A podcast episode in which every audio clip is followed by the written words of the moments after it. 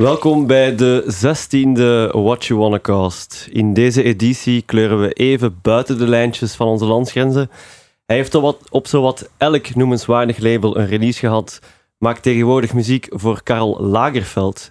En hij houdt veel van Duvel en is daarom toch stiekem een Belg. Dit is Bardo Kamp, a.k.a. Nympho.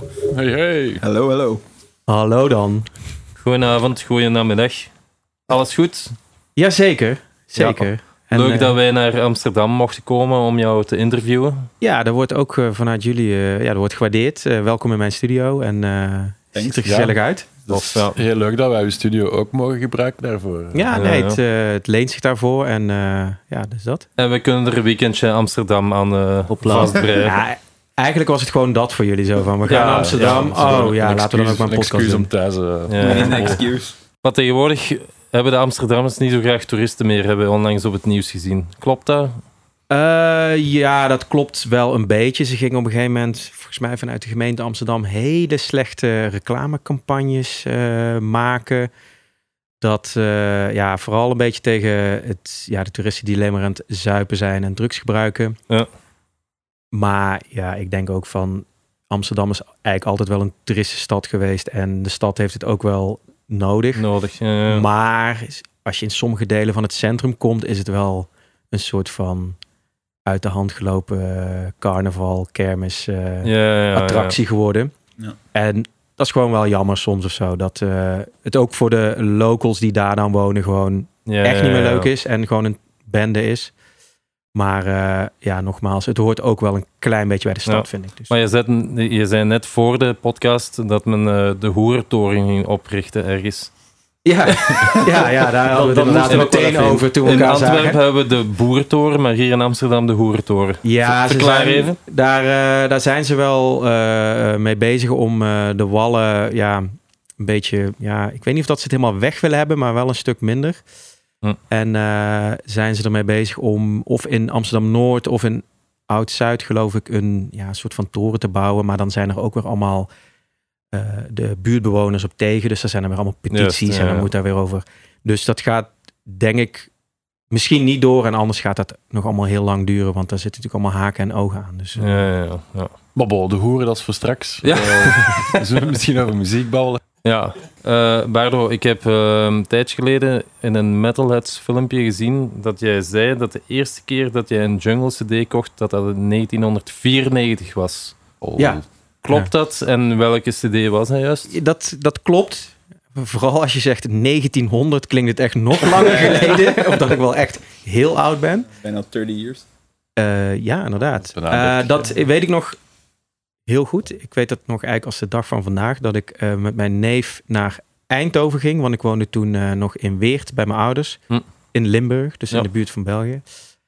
En eh, ik had wel al de Prodigy Experience ontdekt. Juist, dus ik was wel al een beetje gedoken in de UK rave breakbeats jungle.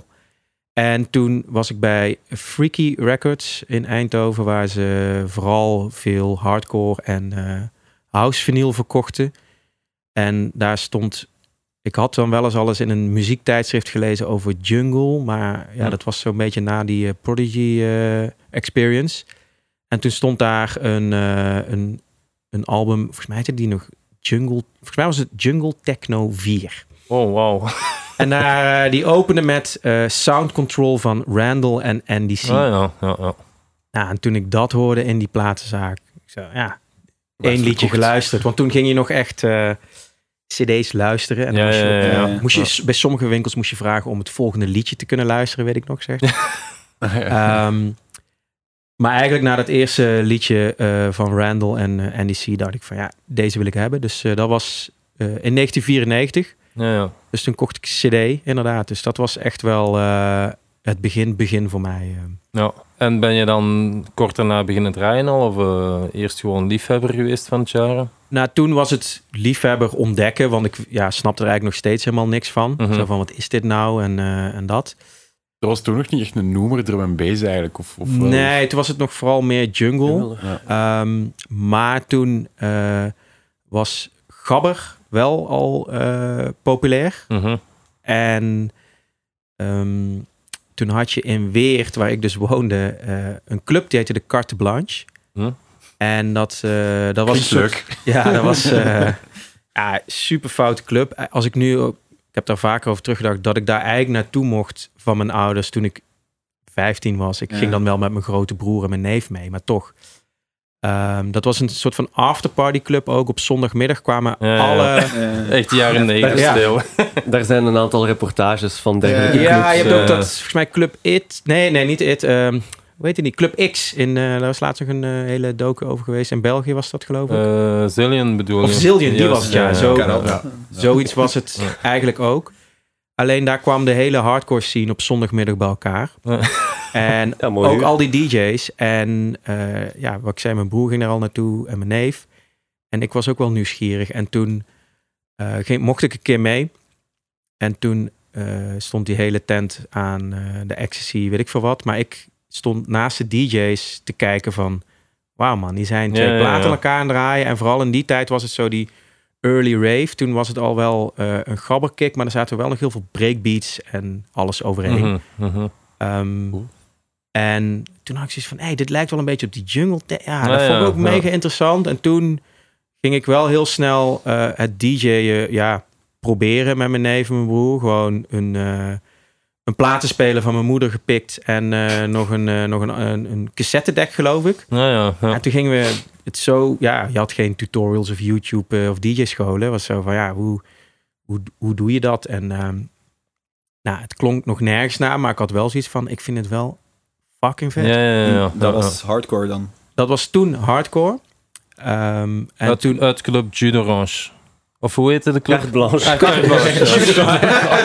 Even Ja, Jude stereotype, Orange is ook Nederlands. Oké, ga door, ga door. Carte Blanche. eh, en Je hebt u zelf het, het geleerd dan? Of iemand heeft het u... nee, toen hebben we het echt zelf uitgelegd? zo geleerd. Eh, of in ieder geval in het begin, wat ik zei, het eerste half jaar was zo van, nee, het klinkt... Was het echt knippen plakken? Was meer knippen plakken. Beetje hoe je vroeger ook mixtapejes kon maken ja, ja, of zo. ja, juist.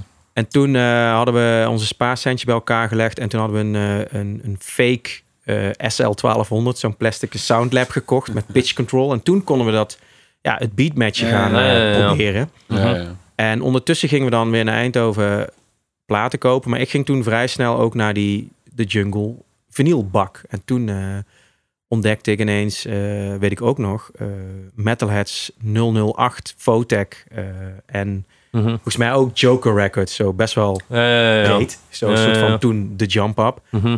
En eh, toen heb ik eh, wat jungle drum and bass dingen gekocht. En toen ging ik wel al vrij snel van de gabber naar dat. En eh, toen kwam er een tweede plastic draaitafel met pitch bij. En toen werd het steeds iets meer professioneel. ja, professional. Mhm. Dat het ook wel echt, dat we echt, echt mixtapes konden opnemen en dat. En dat was echt wel het begin, vij- ja, 95 jaar. The Ja, ja, question maar- on everybody's mind. Is daar nog bewijsmateriaal van? Eh, misschien een paar echt oude foto's of zo. Ja, maar geen De cassettes of... eh, of zo. Nee, nee, ik heb, eh, nee, dat is voor- vooral toen, eh, daar baal ik wel eens vaker van. Eigenlijk dat hele, dat je dingen documenteert, is echt pas later gekomen. Ik heb Mhm. van begin 2000 heb ik nog wel wat foto of echt heel slecht videomateriaal of zo. Maar van die tijd een, ja, een foto in een fotoalbum of zo. Maar die mixtapes... Nee, ik deed toen... eh, toen ging het, toen had je MIDI-disc. Ken je dat nog van? Ah, van ja, ja, Philips ja. was dat geloof ik? nooit Ja. helemaal doorgekomen. Ja, en eh, dat was het, ja, zo nam ik het op of zo. eh. En wat deed ik daarna eigenlijk mee? Want niemand, heel veel, volgens mij stuurde ik MIDI. Ja, dat was de ik vraag niet meer. Ja, wat wat- doe je ja, dan ja. Je had ook letterlijk dat, of die apparatuur nodig, anders kon je er gewoon Nee, precies, niet ja. doen. Ja, klopt eigenlijk. Hè. Maar nee, daar heb ik, nee, geen, eh, wel jammer, want ik heb toen eh, best in 6, 97 wel een mixtape gedaan, wat, eh daar gaan we het daar denk ik wel over hebben, wat een beetje mijn doorbraak was, dat ik ook in Eindhoven Nou ja. een beetje opgemerkt werd. Mhm. Die had ik nog wel eens eigenlijk terug willen luisteren zo. Ja, want is het dan logisch geweest om dan, eh, ja, Weert, ik weet echt niet waar exact dat ligt, Limburg. maar dat eh, Eindhoven dan zo de place to be was? Voor, Nou, te- voor te mij starten. toen wel, want ik was echt eh, ja, op misschien mijn neef en mijn broer na. Ja, die draaiden ook alweer net wat andere dingen. Nee, ik was echt, echt de enige, maar dan ook echt die met jungle, drum en bass Nou ja. bezig was. En ik vond het zo vet, maar ja, niemand die het snapte of, eh, of dat. Maar daar heb je dan wel Sin en Pan ontmoet in Eindhoven. In Eindhoven, ja. Juist, die waren ja. toen, eh, toen een jaar, twee jaar daarna. Toen, eh, toen werden er, werd er een feest georganiseerd in Eindhoven. En dat heette Red Zone. En daar, werd, daar werd Randall geboekt, weet Mhm. ik nog. En eh, toen zag ik dat in het programmaboekje. En eh, ja, toen zei ik tegen mijn broer van... eh, want die had dan een rijbewijs. Daar wil ik naartoe, man. En mijn moeder, Ja. ja, zo van... Nee, blijf gewoon... eh, ik zei, nee... ja. En mijn vader die zag wel zo van... Ja, misschien moet hij daar gewoon naartoe, want... eh, Je mocht wel op zondag namiddag naar. Ja, precies. Ja. D'orange. Ja, ja, precies. Nee, dus ehm, overdag, hè. toen zo eh, daar naartoe gegaan. En toen kwam ik daar in de Effenaar, de oude Effenaar, want het is nu helemaal verbouwd. En toen keek ik om me heen. Ik zo, yo man, hier lopen gewoon alleen maar mensen rond die dit vet vinden, Ja, snappen. ja, ja. En ja, daar voelde ik me zo op mijn plek. En eh, ja, al mijn andere vrienden gingen in Weert gewoon eh, ja, naar de kroegen, happy hour, bier drinken. En ik eh, wilde gewoon daar zijn, weet je wel. En ehm, En is dit nog pre-jaren 2000? Of, ja, ja, dit was ja. eh, 97, 98 denk ik.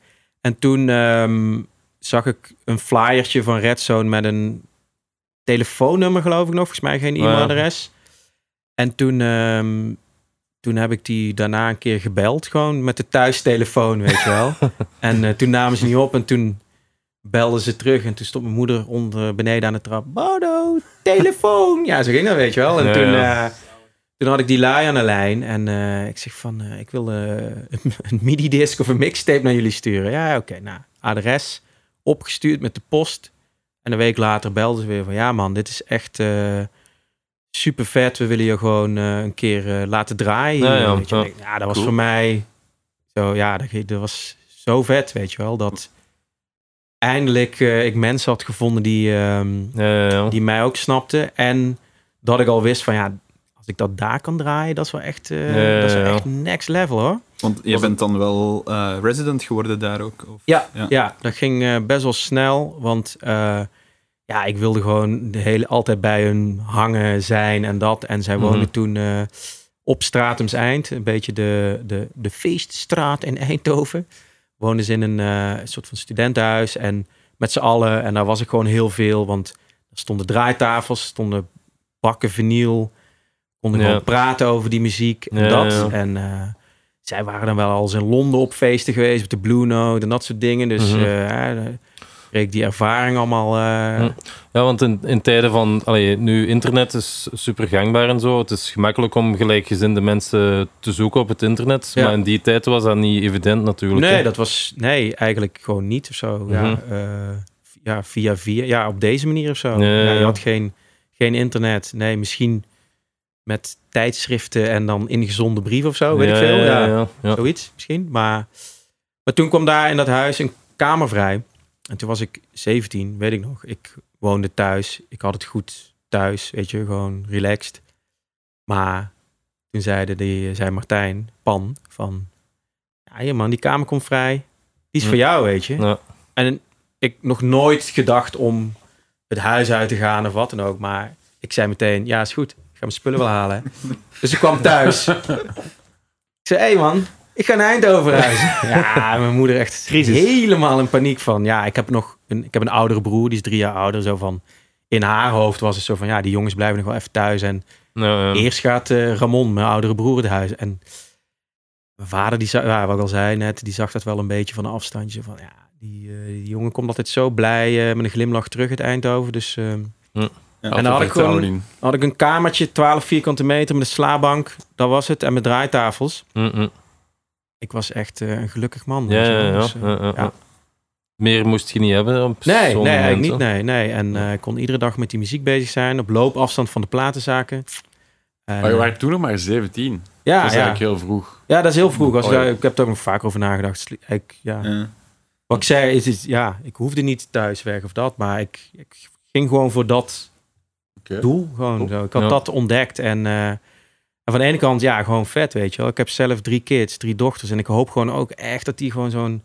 Ja, tuurlijk zal ik ook misschien op een gegeven moment een beetje het spannend vinden of zo, Ja, ja, maar ja. dat je gewoon een zo'n passie hebt. Dat is gewoon... Ja, vind Als we op zondagnamiddag naar een vage club willen gaan. ja. Dat is gabber. En super blij terug thuis komen. Ja, dan komen ze mij misschien wel tegen, weet je wel. Ja. What you wanna cost? Tegen bij Red Zone hebben jullie toch wel best wel veel goeie, coole namen geboekt vroeger. Hè? Zeker, Wie zeker. hebben ja. jullie allemaal gehad? Ehm, eigenlijk, voor- vooral voor toen, iedereen behalve Fabio. Ah, oké. En die mailde ook Daar regelmatig zit een van- verhaal achter. Nee, eigenlijk niet eens. Ja, vanuit mij misschien een beetje. Ik, eh, ehm, die mailde ook wel regelmatig van... Hey, ik hoor gewoon Mhm. echt vette shit eh, over, over Redzone. Ik wil daar echt graag draaien.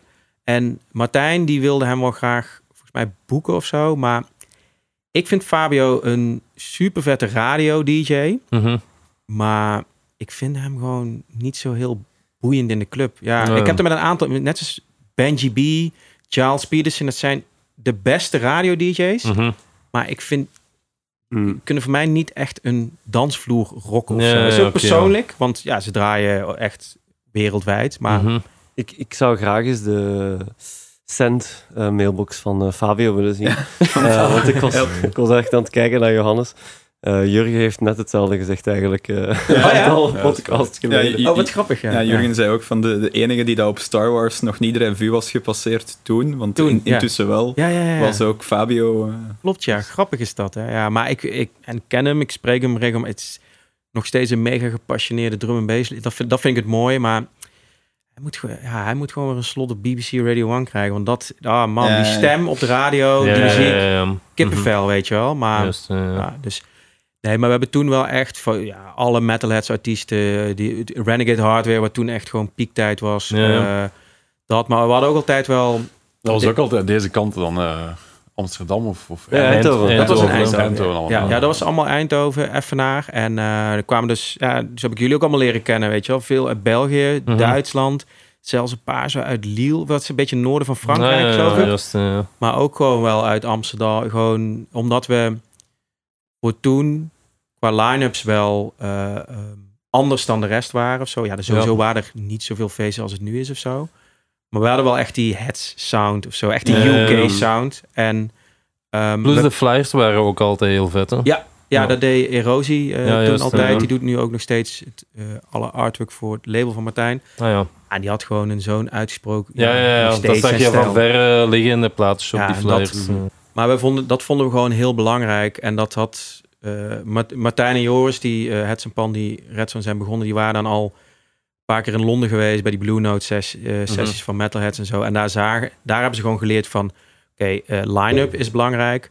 Sound system is mega belangrijk, wat toen in Nederland helemaal geen cultuur, nog steeds niet echt, weet je wel. Hmm. Eh, maar ook ja, licht, maakte altijd een lichtplan en artwork. En daar waren toen in die tijd denk ik nog niet heel veel promoters eh, echt mee bezig, dat totaalplaatje.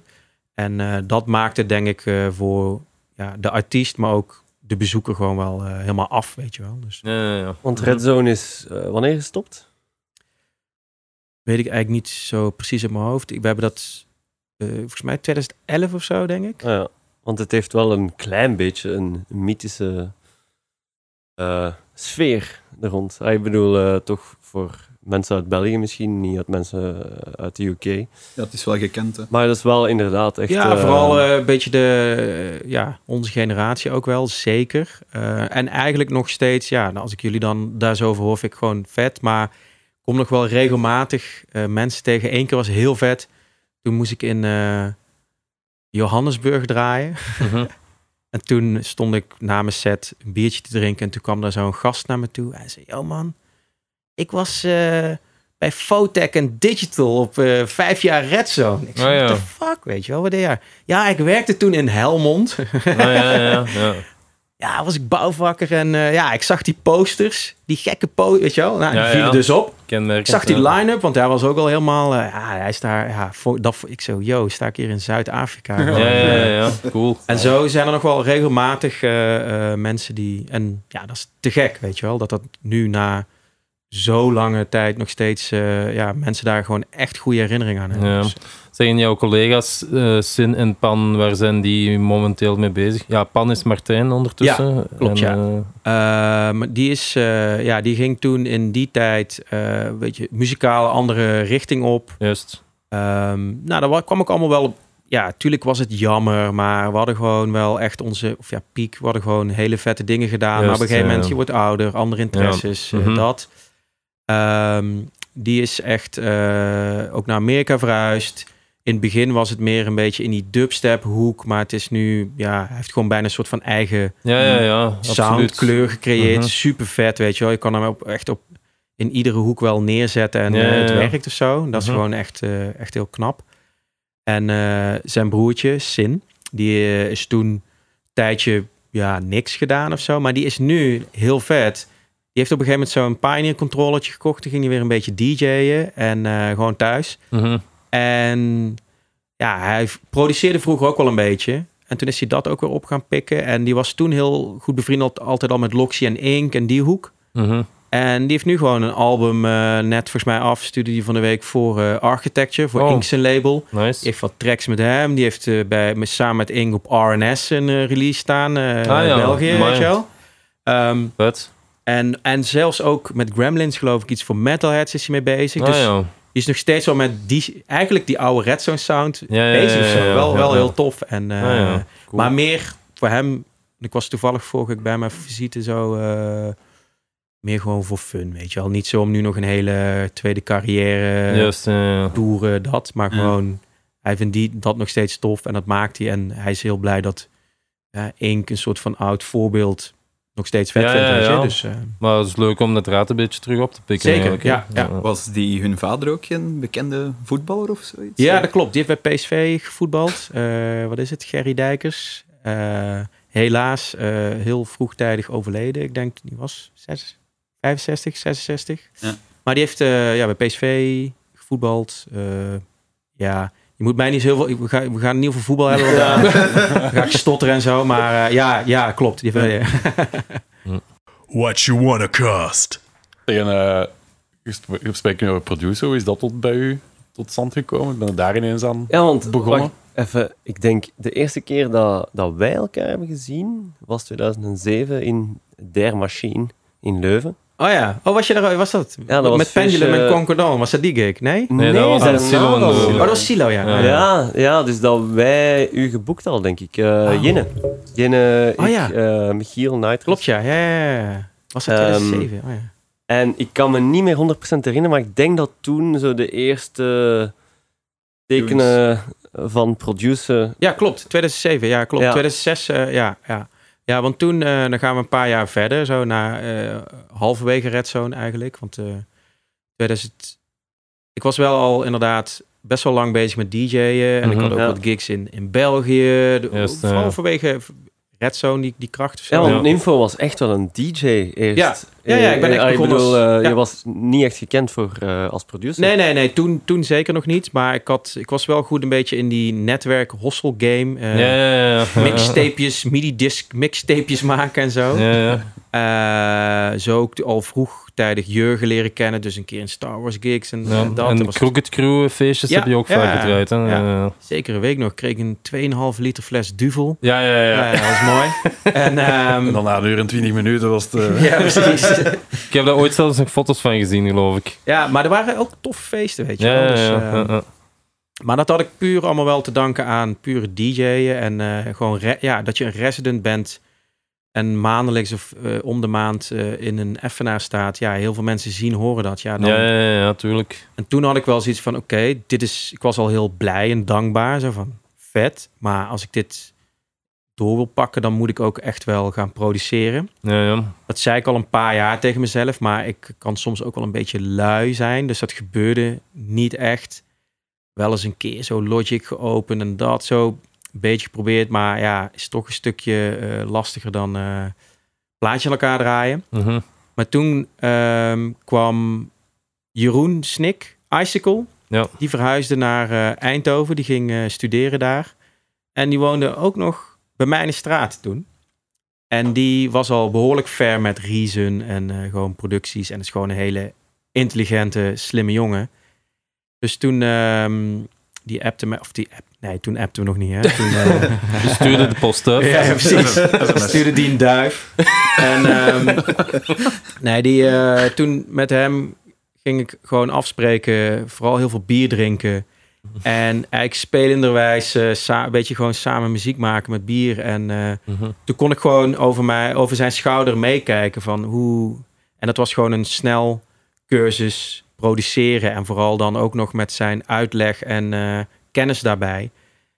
Ja, super vet. Dat is wat je nu... Ja, nu heet dat Patreon. Ja, bij mij, Ja, ja, ja, bij mij heette dat Icicle toen, weet je wel. ja, ja. En ehm, toen heb ik gewoon wel relatief snel eh, echt veel geleerd. En ook gewoon natuurlijk met hem wat muziek kunnen maken. Dus, en hij was al een paar stappen verder. Dus ehm, dat was voor mij echt een goed, eh, ja, goed springplankje in eh, de produceerwereld. Ja, ja. En toen kwamen er ook gewoon veel solo tunes aan. En door die Redzone avonden kenden heel veel mensen ons al. Gewoon eh, eh, puur als promotor. En Mhm. al die artiesten zeiden van ja, als je ook tunes maakt, stuur maar door, weet je wel. Dus dan had je ook zo die, die label eh, connectie was er al. ja, ja, ja. Ja, en toen, Ja, ja. toen ging het vrij, ja, toen ging het snel. Dus eh, ja. En was, was jij daar bewust mee bezig met netwerken? Want die dingen dat jij nu zegt, dat is echt ja, netwerken. Maar Ja. was je daar bewust van dat je dat nee, deed? Of? nee, dat zit gewoon in mij. Dat, Ah, ja, eh. Ik heb ook een vriend van mij die haat dat gewoon aan mij. Dat ik, ik zet me ergens neer, ik lul met iedereen. En ik maak en zo. Al, ik ken overal wel mensen. En eh, ja, dat, ik weet niet. Dat gaat bij mij heel natuurlijk. Dat is niet zo van, oeh, nu moet ik gaan netwerken. Maar nee, ik, ik, ja, dat is, is gewoon een soort van een hele goede eigenschap voor mij. weet Ja, ja, Dus, oké, eh, ja. en dat, eh, dat hielp toen heel erg, weet je. Want ik, ja, heel veel echt super talentvolle producers, die hebben dat helemaal niet. En die maken te gekke muziek op een slaapkamer, maar niemand... Ja, Ja, dus, ja, ja, ja. dus, ja. ja, dus dat is ook, ja, dat is, dat is jammer. Maar, Ben je, ben je dankbaar of denk je dat het beter is geweest dat je eerst eh, die jaren eh, promotor geweest bent en dan pas producer? Denk je dat het eh, Nou, ik- andersom eh, minder snel had gegaan? Nou, de, snel weet ik niet, maar ik vind de, eh, de volgorde vind ik wel, eh, ja, vind ik wel goed. Want ik heb door dat promoten, maar ook dat DJ vooral heel veel geleerd van hoe muziek, hoe tunes werken op de Ja. dansvloer. Ja. En ehm, ja, dus dat, dat werkt wel. Dus ik bijvoorbeeld, ja, het, het programma leren kennen was voor mij heel moeilijk. Maar een nummer arrangeren deed ik gewoon, snapte ik Ja, dan ja, heel ja. snel. Ja, Weet je ja. wel? Dus, Mhm. want, ja, dat, dus ik vind die volgorde wel, eh, eh, wel, ja, wel goed. Ja, ja. En is jouw grote doorbraak, is dat Frankie Mountain dan geweest? Eh, dat was wel in die periode. Daarboven staat hij. Ja. In de studio, ja. Ehm, nou, volgens mij daarvoor was nog Matchstick op eh, Commercial Suicide. Dat Ah, was ja. Ja. Ah, was dat daarvoor? volgens mij wel. Moeten we even Discogs erbij? eh? Ehm, nee, dat was... eh, ehm, dat, ja, kijk, Frankie Mountain... Ja, dat, volgens mij was die daarna. Ja, dat was 2007. Oh. Maar ehm, Matchstick was voor mij, als, omdat het ook een solo nummer was, wel echt een, Juist. eh, ja. een. Frankie Mountain is met Icicle zeker? Ja, klopt. Ja. Ja. En die Magic was zo van... Om even te laten zien, oh ja, hij kan alleen ook wel iets, weet je Ja, wel. ja, Want ja, ja. ik wilde dan... In het begin waren het gewoon wel wat, wat collabs met Jeroen en ook zijn neefje Proxima. Juist, ja. En, eh, maar ik had zoiets van, ja, nee, ik moet ook gewoon eh, alleen eh, Hm. eh, aan de bak. En eh, dat was dan Matchstick.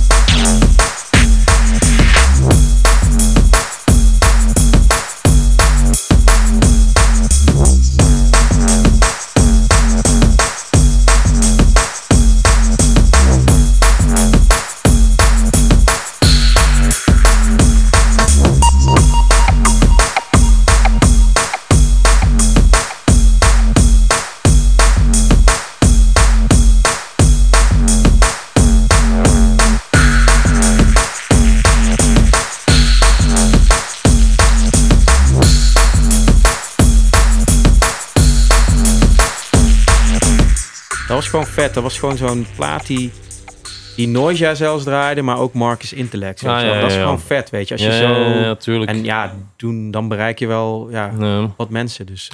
Er brandt al een vraag, al een tiental, vijftien jaar lang op mijn lippen. Oh, ja. Van waar de naam Frankie Mountain? Oh ja, oh, vet. Ik wil ja, het dat verhaal echt, weten. eh, ja, dat is eh, een verhaal dat eh, Jeroen en ik toen ehm, in Budapest, nee, in, eh, voor Spinline. Waar wonen die? Iger of weet dat eh, dorpje in Hongarije? Nou, Inline. Ah, Dat eh, weet ik niet. Ja. Zoiets. Maar goed, toen vlogen we op Budapest en eh, het, de, de- wat is het? De vliegveld heeft een ja, Hongaarse, weet ik veel wat, Naam. rare naam. Ja. En toen ehm, hadden we net die track gemaakt, maar we hadden nog geen titel. Mhm. En toen zei ehm mijn Chris SU, die ons naar het vliegveld bracht. Ah, ja. Ik zei, wat, is, wat betekent dat, man, die, eh, jullie vliegveld? Hij zei, yeah, you know, it's like, it's like a mountain. It's like Frankie Mountain. ja, nou, dat is eigenlijk het hele verhaal. Ah, ja, ja. Ik keek toen zo aan, ik zei, Frankie Mountain dan? Ja, ja, is goed. Zalig, zalig, zalig, zalig.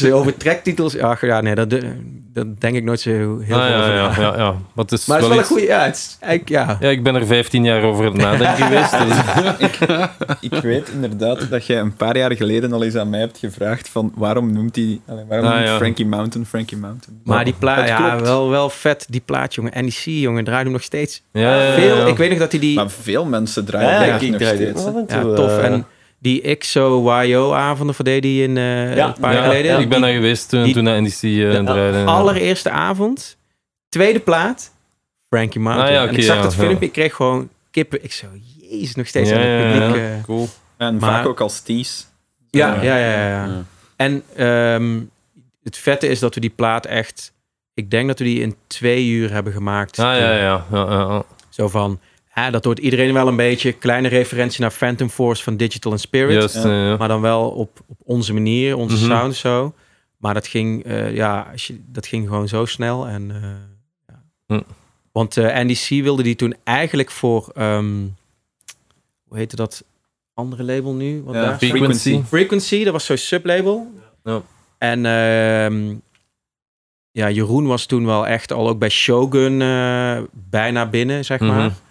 En ehm, toen wilde... eh NEC zei, zei op AIM Messenger, ken je die nog? Weet je? Ja, Ja, ja. Eh, sprak hij mij of Jeroen aan van ja, hij wil, hij wil Frankie Mountain. Dus wij dachten, ja, vet man, Ram Records. En toen kregen we zo'n contract of weet ik veel wat of zo, de, de details. Was het, zo, hij zei, ja nee, voor Frequency. Maar ja, Friction wilde mij eigenlijk ook voor Shogun. Ja, Ja, ja, ja. Dan begin je te twijfelen. ja, maar ik was echt... Ja, Jeroen was dan wel iets verder met... eh, eh, ja, ik weet niet, ook zakelijker en zo. Ik was al lang gewoon blij. Zo, vet man. Ja. Ja, En Jeroen zo, nee man, we gaan gewoon... eh, we gaan echt niet voor frequency. En ik dacht zo, ja, ik wil NDC ook niet boos maken, weet je wel. Zo, Ja, ja. eh, zo dat, dat... Maar Maar je, toen heeft Jeroen gewoon een bericht gestuurd van ja, nee, we willen op Ram Records, anders gaat hij naar Shogun. En ik echt zo helemaal shaken, weet je wel. Ja, ja, ja. Ja, en toen, eh, toen was het goed. Toen eh, kwam hij op eh, die eh, Dimension 3 eh, EP. Juist, met, ja. ja. Mhm. Want eh, Headless Housefly is van voor Frankie Mountain dan nog. Is dat? Ja, dat nee, omdat- dat is wel op Frequency. Dat is Frequency, ja. ja. dat was, weet ik niet, wel rond dezelfde periode. Maar we vonden gewoon Frankie Mountain, omdat iedereen hem ook echt al draaide, weet je wel. Zo, we hadden wel zoiets van, ja, deze plaat doet wel echt, ja, iedereen, Ja, ja, ja. ook de grote draai hem ook. En omdat Jeroen al wel een soort van iets meer onderhandelingspositie had, omdat, ja, hij zei, ja, Shogun is groter dan Frequency. Ja, ja. mhm. Dan is de keuze, weet je wel. Dus, eh, maar dat, dat was gelukkig eh, duidelijk bij eh. Andy. What you wanna cost? We kennen jou als een heel diverse producer. Je hebt heel veel releases op heel veel labels gehad. Ja, Had jij aan het begin labels, eh, van je carrière zo'n soort bucketlist van deze labels wil ik allemaal op gereleased hebben? Of eh, is dat een beetje natuurlijk gekomen? Eh, nou, zeker wel een, een bucketlist van eh Metalhead sowieso en Mhm. een paar van die knallers. Maar ehm, ook wel, eh, ja, een beetje, me- ja, inderdaad, diverse producer qua sound. Ja, ja, ja. Dat is ook wel omdat ik dat als DJ ook wel ben. Ehm, om, eh, om te laten zien dat het niet alleen maar één trucje is wat je doet of zo. Ja, ja, ja, ja. En als DJ draai ik ook wel echt, eh, kan ik van diepe melodieuze dingen naar gewoon Mhm. de hardere dingen, weet je wel. Ik heb ook wat tracks bijvoorbeeld met Blacks and Empire, weet je wel. Gewoon Ja, ja, ja. eh, dat soort dingen. Ehm, Maar dat was misschien een bewuste keuze dat je nooit echt beperkt hebt tot één hetzelfde label altijd? Of, of... eh, ja, ja, want ehm, ik, in, in die tijd dat eh, inderdaad Jeroen toen naar Shogun ging en eh, best wel wat andere soort van... Toen was het heel populair een soort van exclusieve deal te tekenen bij Hmm. labels. Ja, ja, zo ja. drie, vier albums. Maar eigenlijk Kloet zei altijd meteen tegen mij van... Moet je niet doen, man. Niet Moet je doen, ja. Hij was al vroeg, was ik gewoon goed bevriend met hem. En ehm, die gaf me wel een beetje dat soort tips. Mhm. En heel veel artiesten die ik dan sprak, die zo'n deal hadden getekend, die dan na een half jaar, jaar toch Er spijt van misschien. spijt, niet blij vast, waren. Ja. Dus, Ja, ik, ja, ja. dus dat heb ik bewust nooit gedaan. Ehm, en ja, voor mij werkt het gewoon wel eh, dat ik eh, op diverse labels. Het waren ook gewoon allemaal ja, Er was altijd wel interesse van. interesse. Het waren ook vaak labels. vrienden. Gewoon, dat vind ik ook wel altijd beetje belangrijk. Ook met samenwerkingen. Zo van ja, het moet, het moet ook gewoon een beetje gezellig zijn. En leuk. ja, ja, Zo, nou, Ja. oké, je hebt een tof label, gaan we dingen doen. Mhm. En ik kan een beetje, ja, wat ik al zei, de meer melodieuze dingen. Nou, dan stuur ik het naar Sparehead of eh, Ja, ja, ja, zelfs ja. Liquidity, dat soort dingen. Want voordat je een tune begint, denk je dan van ik ga voor dit label iets maken? Of maak je iets en denk je nadien van dat kan niet voor dat label zijn? Ja, vaak heb ik van tevoren wel dat idee, maar eh, dan begin je iets heel eh, melodieus en dan eindigt het eh knijterhard. dus dat, eh, ja, dat, dat, dat gebeurt ook vaak. Ja. Maar ik kan wel, als ik, ik heb wel zo'n paar jaar van die, dat ik bijvoorbeeld wat dingen voor Dispatch deed en inderdaad zo'n Sparehead heb ik een paar EP's gedaan, dat ik wel een beetje die knop aanzet. Zo van, oké, nu ga ik een week of twee weken gewoon schetsen maken voor een EP voor dat label. En dan maakte ik, weet ik veel, vijf of tien, soms nog wel meer ideeën. Ja, ja. En dan selecteerde ik zo eh, de tofste vier of zo, de, de, de vetste vier die ik bij dat label vond, vind passen. En dan ging Mhm. ik dat uitwerken. Dus ja. op een gegeven moment kon ik dat wel een beetje managen. Maar ja, soms Is gebeurt er, er iets met produceren en dan maak je ineens een totaal andere track. Ja, ja, ja. is er na al die jaren een label waar je nog niet hebt gereleased, dat je toch nog op zou willen releasen? Eh, nee, volgens mij niet. Dus daarom ben je maar je Die eigen label net. gestart. ja, precies. Dan eh, gewoon een eigen... Nee, ik ben het, is, even... het is inderdaad wel echt bijna alle, alle, alle Ja, ik ben even aan denken. genre toch zo. Ja, ja. Nee, ehm, nee, ik... Heb je op eh, Renegade Hardware eh ja, heb ik zelfs Ja, een, eh, ja, ja, ja. nog een van die laatste. eh, Ah. Wel heel slecht gemasterd. Als ik, eh, Ja? Ja, ik niet eens meer. Ja. Studio uit, Nico. Ja, dat eh, Ja, dat was echt tegen het einde eh, van hardware. Volgens mij was het al, weet je wel, kleed. Dat was ook... heel vette tune. Ik kan de, de naam nu niet meer herinneren, maar... Ik, Maar slecht gemasterd. of zo. Ja, ik draaide die, ik draaide ook die eentje met. BTK of zo, niet? Is dat die? Ik Ja, ook dezelfde EP wel. niet. Ja. Maar wat is die? Ja, ik weet het. Ik weet het eigenlijk ook niet eens meer precies. Nee. Iets met cigars? Ja? Hmm. Het komt later wel terug. Maar heel die EP was gewoon slecht gemasterd. Misschien was ze wel niet gemasterd. nee. Dat was, daar was Renegade Hardware ook echt Clayton zijn geld was op. hè. Ja, zo van... Nee, niet met niet master, maar... ah, hoe, hoe, hoe vaak was het dat er een Renegade Hardware vinyl uitkwam en dat die labels niet klopten? Ah, ja, ja, ja. ja, ja, ja. Alles op de verkeerde kant. Of hoeveel keer eh, is het de allerlaatste Renegade Hardware party Ja, ja, die ook, ja. ja. Eh, We zijn er nu al heel snel allee, eh, aan begonnen, maar eh, je bent gestart met je eigen label nu. Ja, Eh, klopt. Dat is ook echt ineens uit het niks. blijkbaar. Nou gekomen. ja, ik was al achter de schermen. Hè, was ik al jaren... Voor de buitenwereld ja, toch, eh. nee, ik... ehm, klopt. Ook die vraag had ik al heel vaak gehad van... eh, waarom begin je een eigen label? En dan was altijd een beetje mijn antwoord van... Ja, ehm, of ja niet ook te, te luiven. De- Daar, moet je, daar gaat veel tijd in zitten. Zo van, ja, of je kan het op verschillende manieren doen. Maar ik had wel zoiets van... Ik wil het dan wel in ieder geval zo goed mogelijk doen. Weet je wel? Gewoon dat ik de tijd ervoor heb en het gewoon... eh, Hoe heet het nu weer? Ik ben het even kwijt. Love for low frequencies. ja, Ja, En, ehm, maar tijdens COVID ja, had ik best wel wat tijd over. Mhm.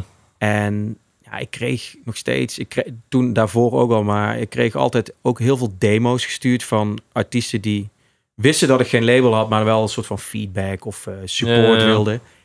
Ik gewoon heel vaak al dacht van, joh man, eh, dit is echt eh, super vet. Als ik een label zou hebben, zei ik dan al heel vaak tegen mezelf.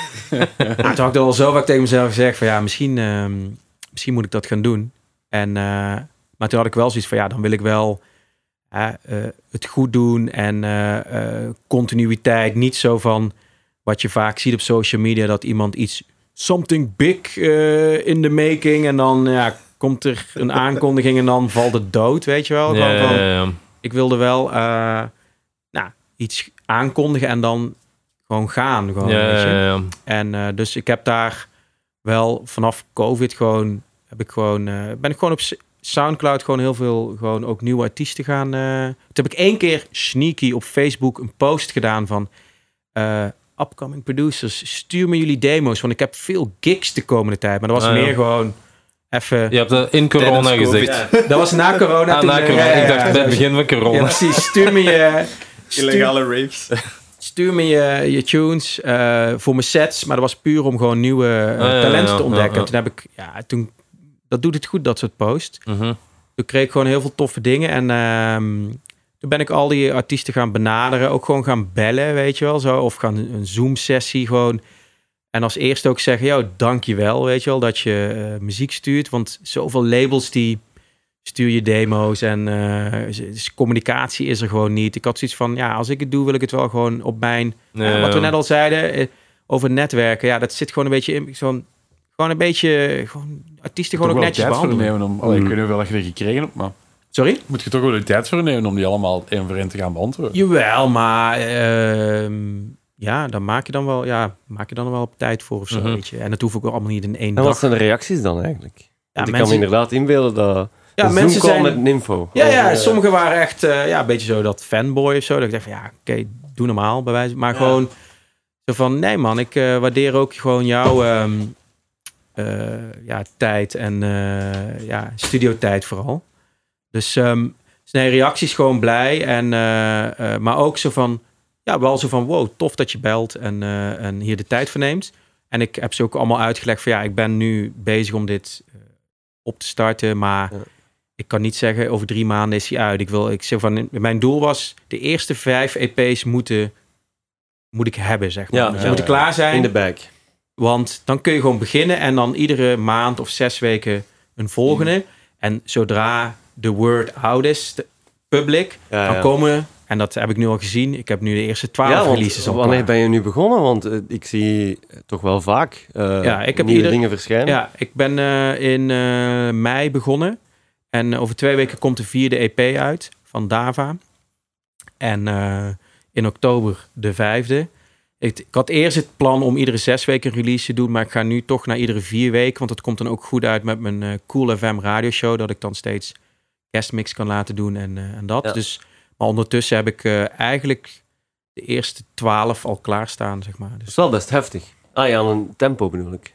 Ja, maar ehm, als je het gewoon... ehm, ja, dat heb ik wel geleerd sinds ik kinderen heb. Dat je gewoon een beetje moet plannen. Yep. je agenda moet organiseren. Alles in je agenda knallen. Is het niet zo... Ja, ja nee, het, is niet zo, ja, het valt wel mee, weet je wel. Gewoon, eh, ik heb wel eh, hulp van eh, Lars van Triple Vision. DJ Harsh, Ah, ken je misschien ook nog wel. Die werkt ook al twintig jaar daar. Mhm. En die, die, die helpt wel naast zijn werk af en toe labels van vrienden. Dus ik had hem heel vaak aan de lijn over distributie en dat. En hij zei, ja, ik wil je wel daarmee helpen. Dus dat, dat kan ik wel een beetje uit handen geven. Maar ja, promo's uitsturen en eh, eh, een ochtend per maand vrijmaken om eh, eh, blogs en eh, YouTube-kanalen te mailen is niet zo... Nee. Valt mee. Nou, mastering besteed je. Ja, het is gewoon goed plannen. Het is wel Ja. goed plannen, ja. Dus. Mm. Want de mastering doe je zelf. Nee, nee, nee. Oké. Dat doet eh Raven van Ill Truth. Dat is een... eh, die zit in Bristol. Die heeft een... Ja, er zijn best wel veel mensen die dat doen. Maar ik heb met hem een goede klik. Hij is eh, betrouwbaar, snel, goed. Dus, eh, maar ik zeg ook altijd tegen de artiest van... Als jij iemand anders wil, maakt mij ook niet uit, weet Ja. je wel. Het is jouw eh, Ja. EP, muziek. Dus eh, Het is misschien wel leuk om eens een nummer op te zetten van uw label. Een van uw laatste Ja, af en toe releases knallen we er ook eens een schijf. Oh ja, Een voorkeur van ja dan zal bijvoorbeeld die... of- die of uw eigen nummers. Of... eh, Falling Into Place van Dava, Duitse... Oké. opzetten.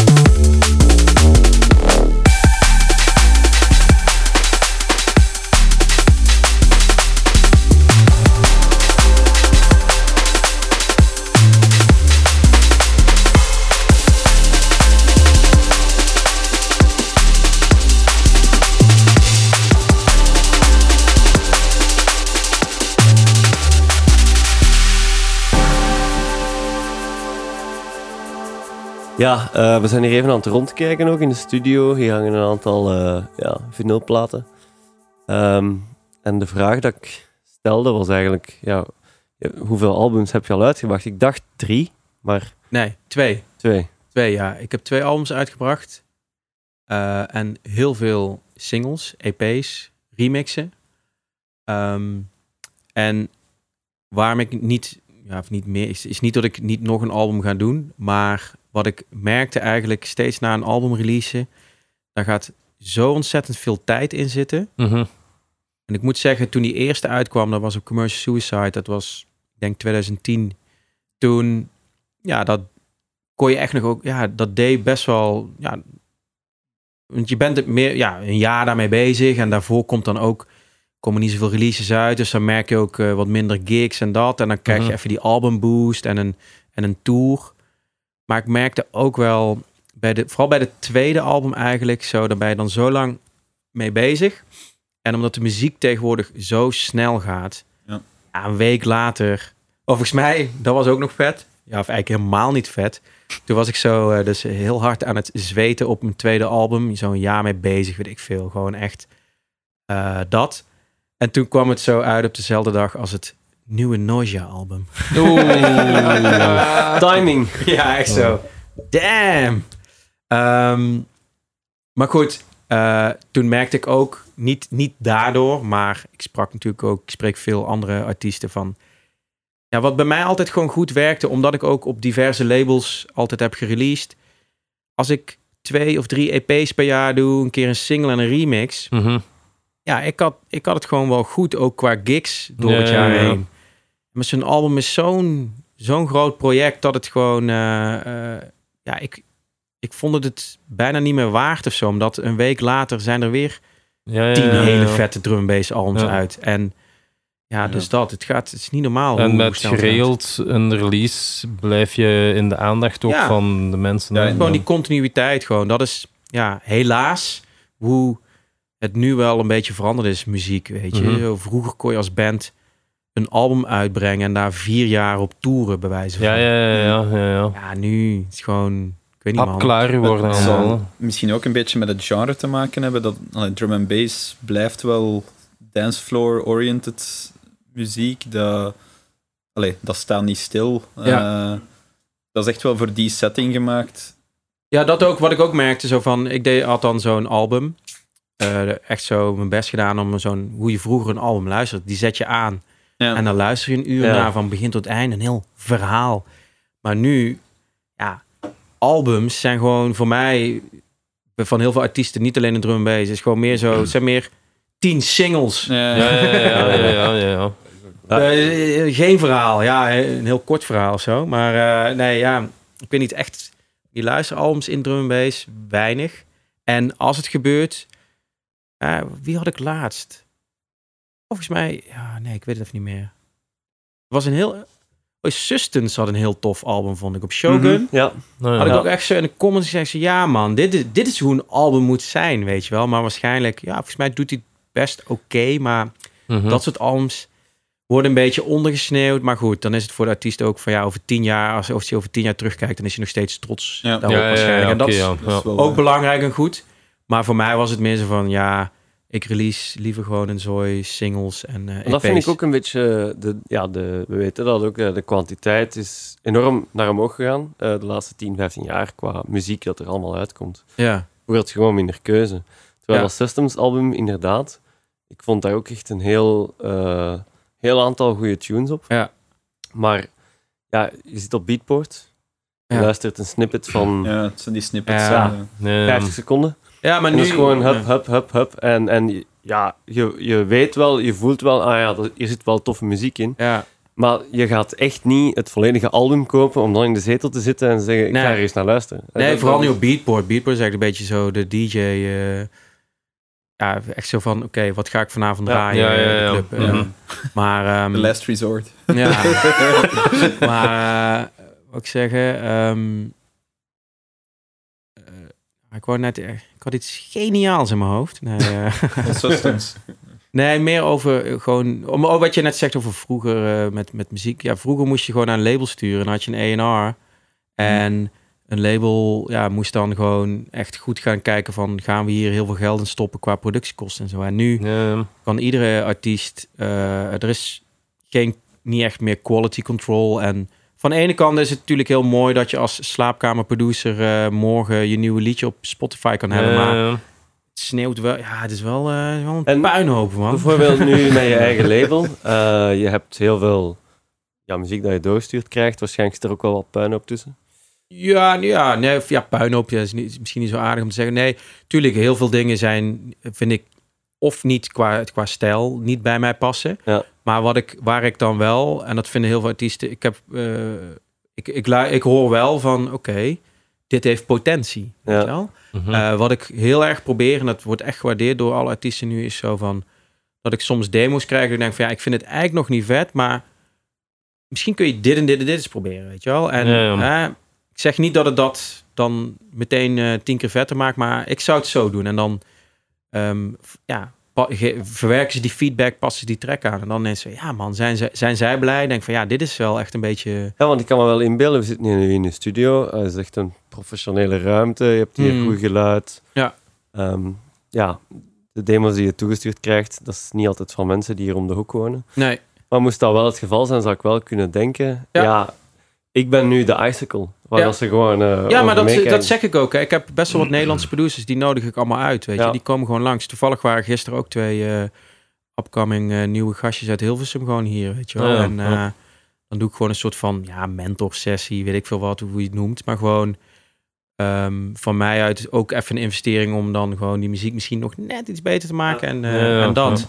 En dat wordt van hun gewaardeerd. En ja, wat ik zeg, artiesten vinden dat, eh, dat... Ik denk niet dat heel veel labels dat doen of zo. Mhm. Dat je een Ja. heel persoonlijke aanpak hebt. Naar, ja, naar en, en heel veel labels wordt gerund door mensen die zelf niet produceren. Ja, ja. Dus die kunnen niet die hele specifieke feedback geven die ik geef op bijvoorbeeld mixdowns of weet ik veel Ja. wat. Ehm, en dat is denk ik wel echt een toegevoegde waarde. Ik wil zelfs hier, eh, ik zit nu te denken om misschien tijdens ADE, maar dat is een beetje kort dag.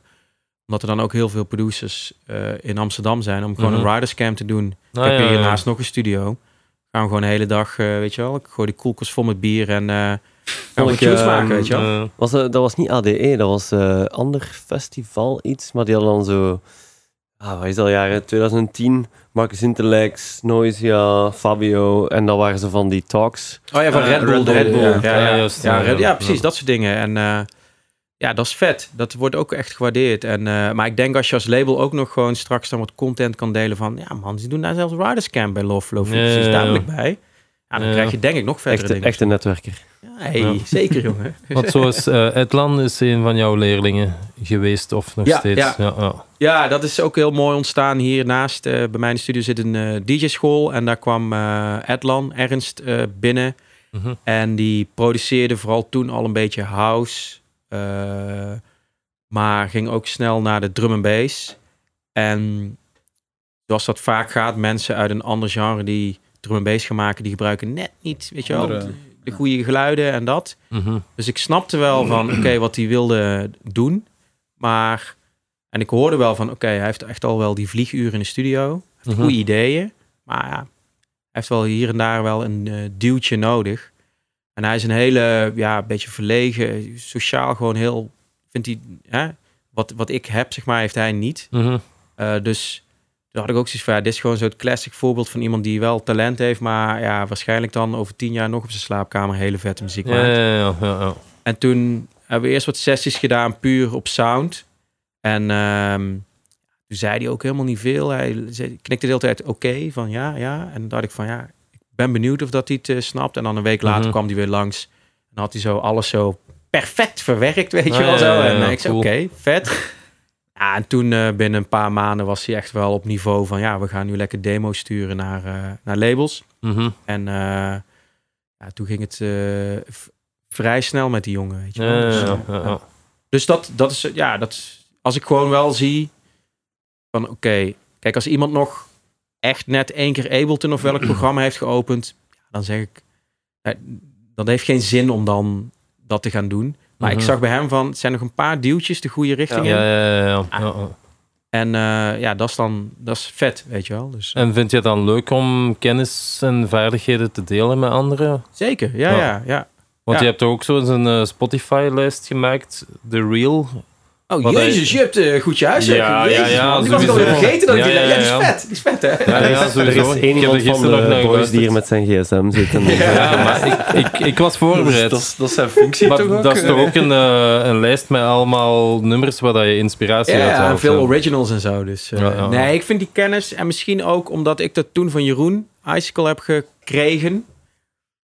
Eh, ja, eh, dat is vet, weet je wel. Daar ben ik, hem was ik nog steeds, ben ik hem daar dankbaar voor. Mhm. En als ik dat nu gewoon met dit soort, hè, en niet, ik kan dit niet fulltime doen, maar bij sommige artiesten zie je van, ja man, die, eh, die, gun, die gun je het ook een beetje Ja, of zo. ja, ja, ja, dat. ja. En ehm, Je vraagt dan geen 5% van de komende Nou, inkomsten van de- 95. Ah, 95. nee, nee, nee, zeker niet. Ehm, nee, daar, nee, ja, nee, want zo management, nee. In drum en bass vind ik dat sowieso, ja, vooral een beetje die... Ik doe die- het echt voor de liefde, voor Ja. de muziek Ja. eigenlijk. En het is gewoon een kleine moeite. En ehm, ik veel, had ik laatst iets nodig. Oh ja, ik krijg dan sommige plugins niet geïnstalleerd. Ik ben Ah, niet ja. zo heel handig. dan bel ik Ernst. En dan komt hij langs, weet je wel. Dan heb ik hem even nodig. Ah, ja, ja, wel. Of. Zoiets of zo, weet ik veel. Of laatst moest Mhm. ik ja, een vocal gemixt hebben. Dit wat lukte niet echt. En hij is dan zo heel pietje precies. Ik zo, Ernst man. En dan snapt hij ook van, oké, dan... eh, Ja, ja, ja. Geven en nemen. ja, Ja, beetje, ja. beetje dat of zo. En eh, wat is het verschil met de scene in België? Want ik heb de indruk dat er zeker mid-2000s dat Nederland toch wel een streep voor had op België naar producers. Ja. Noisia, Black Sun Empire, Icicle, jijzelf. Ehm, hoe heb jij dat zelf ervaren in Nederland? Ehm, nou, eerst, in het begin vond ik de scene echt te... Want inderdaad, toen, toen had je al Noisia, Black Sun Empire, eh, Lensman, Mhm. June Miller toen, weet ik veel, Juist, ja. Proxima, nog echt weer nog best wel een lijst eh, frequency. Ja, ik weet niet nu. Ehm, maar eigenlijk was toen zo begin 2000, eigenlijk was de scene helemaal niks, weet je wel. Gewoon alleen Blackout kwam op een gegeven moment. Ja. Maar zo die, ja, je had Major League. Die Mhm. deden dan wel grote dingen, maar dat was ook een beetje op. Maar ik vond de scene eigenlijk gewoon te klein voor het, het, het, het, eh, de line bij Nederlandse artiesten die we hadden, die gewoon wereldwijd echt gewoon, eh, Mhm. ja, gewoon festivals plat draaiden en zo. En ehm, ik vond het in België altijd eigenlijk qua feesten wel beter. En dat had denk ik ook echt te maken met bijvoorbeeld Studio Brussel, die echt wel iets meer aandacht besteden aan drum en bass. In Nederland, de media, nog steeds tot op de dag van vandaag. Voel je me alweer boos worden? Nee, nee gewoon, het is gewoon irritant soms, weet je. Ja. Gewoon Ja, zelf, weet je, ik had... En ik wist het al... eh, maar toen ik mijn label eh, wilde aankondigen, weet je wel, UKF deed een feature, Drum and Bass Arena, BBC eh, Radio 1. Ik mail hier naar 3 voor 12, weet je. Eh, nee, ja, zo allemaal zo, nee, drum and bass toch? Zo, of dat je het, ja, weet ik veel, man. Mm. Eh, Mhm. er hangt zo'n rare nasmaak, terwijl wel heel, ja, kijk naar Liquidity, weet je wel. Ja, Gewoon dat is hoeveel- een Ja, succesverhaal. Hè? maar kijk ook gewoon naar, eh, ik was twee weken geleden op Dekmantel Festival. eh, al die hippe techno, whatever DJ's, draai allemaal Mm. jungle, weet je wel. Ja, ja, Gewoon, ja. Ja. Dus ja, een beetje dat verhaal. Maar in België had je gewoon, de media deed toch wel eh, beter zijn best of zo. En, eh, en natuurlijk, Netsky was natuurlijk eh, op een gegeven moment eh, die het meer, iets meer Poppy, mainstream maakte. ja. Maar dat daardoor wel steeds meer mensen het een beetje snapt of zo. Ja, en, ja, ja. eh, Mhm. dus dat. Maar ik vond eigenlijk in Nederland was het een beetje andersom. Had je gewoon heel veel echt al goede producers wereldwijd, die wereldwijd eh, Mm. aan de top stonden. Maar Ja, want in, in België is het eigenlijk lang geweest dat de lokale producers vooral Mhm. in België bekend waren. ja, klopt, ja. Mhm. En in Nederland had ik altijd eh, de indruk dat Ja. die waren big in de UK, maar ik Ja, had niet in de Nederland. Nee, nee, precies. Maar wat ik zei, omdat er gewoon de, de media er geen aandacht aan eh, besteden, maar ook niet heel veel feesten waren of zo, weet je wel. Dus, maar inderdaad, klopt, klopt wel, ja. ja. Maar België is altijd een feestland geweest. Hè? Ja, nee, maar ik, eh, ik, ja, vooral toen ik in Eindhoven woonde, ik ging graag naar België, Antwerpen, Gent, echt vaak, ook Gentse feesten en zo. Mhm. Ehm, maar meer zo van, ja, daar, wa daar was, waren ze wel wat alternatiever of zo. En in Nederland was toen, was het heel erg trance, weet je wel? ja, ja, of eh, dat of zo, gewoon. Dat is ook wel heel terug. Allee, heel hard aan Ja, terugkomen. Ja, jammer genoeg wel, hè? Wanneer komt Gabber terug? Ja, dat, dat zou ik wel, eh, zou ik wel vet vinden.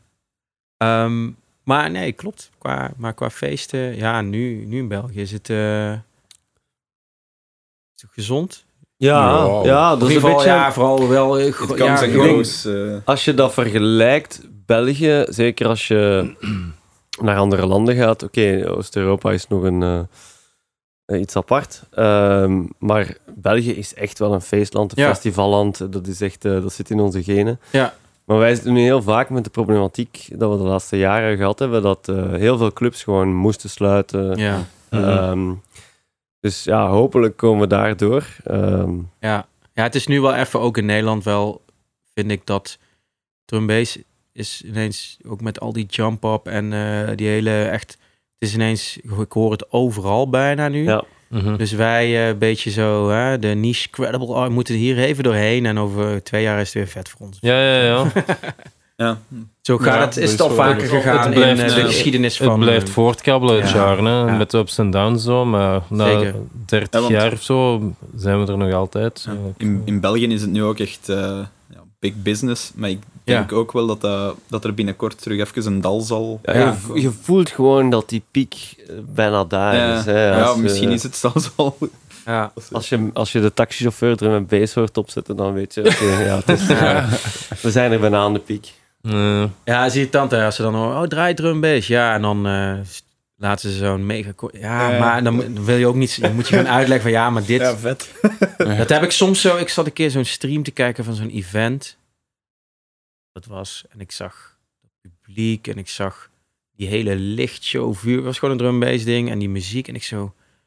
Toen, ik zei, ik zei, dit heeft gewoon eigenlijk voor mij niks meer te maken met dat gevoel wat ik had toen ik die jungle techno cd in ja, 19... ja, ja. Zo van, alleen het BPM klopt. Is, is, maar voor de rest, niks. Ja, ja. De, de sound niet. Gewoon, ja, weet ik veel, man. Dus eh. Want eh Tiesto draait te- tegenwoordig ook de een drum and bass. ja, man, die ging eh. op Ultra gewoon. eh, Ja, ja. dus, ik heb een filmpje Ja, die van gezien. een Ja, klopt. tune met high contrast ook. Is dat? Ja. Ja, juist. Ah. Ah, ja, ja, ja. Maar wel al eh, oud, hè? Ja, ja. Ja. Nee, maar ik wil ook niet die, die hater zijn. Want ik weet nog toen ik. eh, ik heb zo drie jaar zo'n werkvisum gehad om in Amerika te toeren. En toen was net zo EDM. Of ja, net was EDM zo al. eh, Ja, ja. Ja, waar ook heel veel op gehaat werd. Maar ik sprak al die local drum and bass promoters die al jaren daar events eh, organiseerden. Mhm. Die zeiden allemaal van, ja, weet je, als er dan zo'n Netsky op EDC staat of Chesto dat draait, al is maar 1% die iets Ja, dieper gaat graven, die komen dan ja, ineens ja, bij, ja. eh, Ja, ja, ja. bij mij uit of Nee, bij ja, ja. weet ik veel wie. Ja. En dus het is voor de underground ook goed, alleen... eh, Ja, tuurlijk. Ja, ja. We Dus ik hebben wil al een echt niet- aantal eh, Ja. podcasts gehad ook. eh, met oude generaties, zoals een One Time bijvoorbeeld. Ah ja, Of een Jurgen. Eh, maar eh, de nieuwe generatie, de naam die altijd terugkomt, is Netsky. ja. Dat is echt... Dat is eh, grappig, hè? dat is de golden boy geweest van Ja, eh, ja. eh, 2008, 2010. Ja, Ja. dat, is, dat is ook echt. hè. Maar meer van, eh, ik wil zeker daar allemaal niet op haten. eh, maar, en, want ja, Het is altijd zo dubbel, dubbel bij ons precies. Zo van, we willen wel dat het genre bekend wordt en, en meer naar het grote publiek gaat, maar we willen ook niet dat het te veel wordt, of Ja. ook niet te commercieel wordt, want Ja. dat vinden we eigenlijk ook niet Ja. leuk. Mhm. De Nooit eigenheid. goed genoeg. Nee, ja, precies. Mm, mm, mm. Nee, je had zelfs hier eh, in Amsterdam eh, die Duncan, die was toen de eigenaar van AD&T, weet je wel, van alle grote... Ja, ja, ja. Ja. Die eh, had ook een kleine club midden in de stad, die volgens mij standaard verlies draaide. Maar hij financierde dat. En hij zei altijd van, ja, als er geen underground is, dan zijn wij er ook niet, weet je wel. Dus, ja, eh, ja, ja. ja. Ja, ja. dus vond ik wel echt mooi dat hij dat ook wel echt eh, gewoon snapt. Zo. Mhm. En ehm, ja, zo is het gewoon wel een beetje. En vandaag de dag, want eh, allee, met eh, de DJ en producer eh, lessen ehm, in Amsterdam, hoe is de scene nu? Zien, eh, nu is het, eh, ik vind het wel goed hoor. Zo- Wat ik ze net al noemde, liquidity. eh, ik vind het nu eigenlijk misschien ook, nu bijna te veel. Ja. Maar eh zo van, wow, ja, er zijn echt veel, veel, Moet je elk weekend naar een drum bass feest gaan hier in de buurt? ja, best wel veel. En de melkweg is echt heel ja, veel. Melk, ja, dat Ja. zie ik ook wel vaak. Ja, en ehm, Sinds wanneer is trouwens eh, Cheeky Mondays naar de Melkweg verhuisd? ja, al een paar jaar. Want Ja? de Winston, die oude venue, is eh, niet dicht, maar dat is helemaal hotel geworden. Dus die zijn al een paar jaar eh, melkweg. Maar ehm, nee, nu, nu is het echt wel veel. Mhm. Ehm, ja, niet, nog niet te veel, denk ik. Want op een gegeven moment is het te veel. En dan, dan zie, je, ja, zie je de kleine gewoon eh, er doorheen gaan of zo. Maar ehm, ja, het is nu wel gezond. Ja, en een goede. En wat ik ook wel fijn vind, want ik ben ook eh, een beetje betrokken bij Created By, een eh, event wat Ja.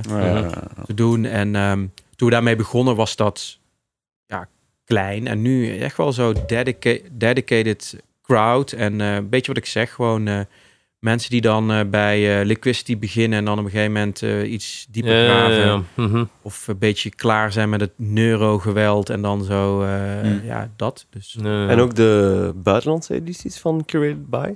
Want eh, gisteren was het namelijk uh, dat was er gisteren in Antwerpen. Edrush ja. en op, eh, nee, Rush. Edrush, alleen Ja. en Ja. eh Cairo Field Ja. en Ja.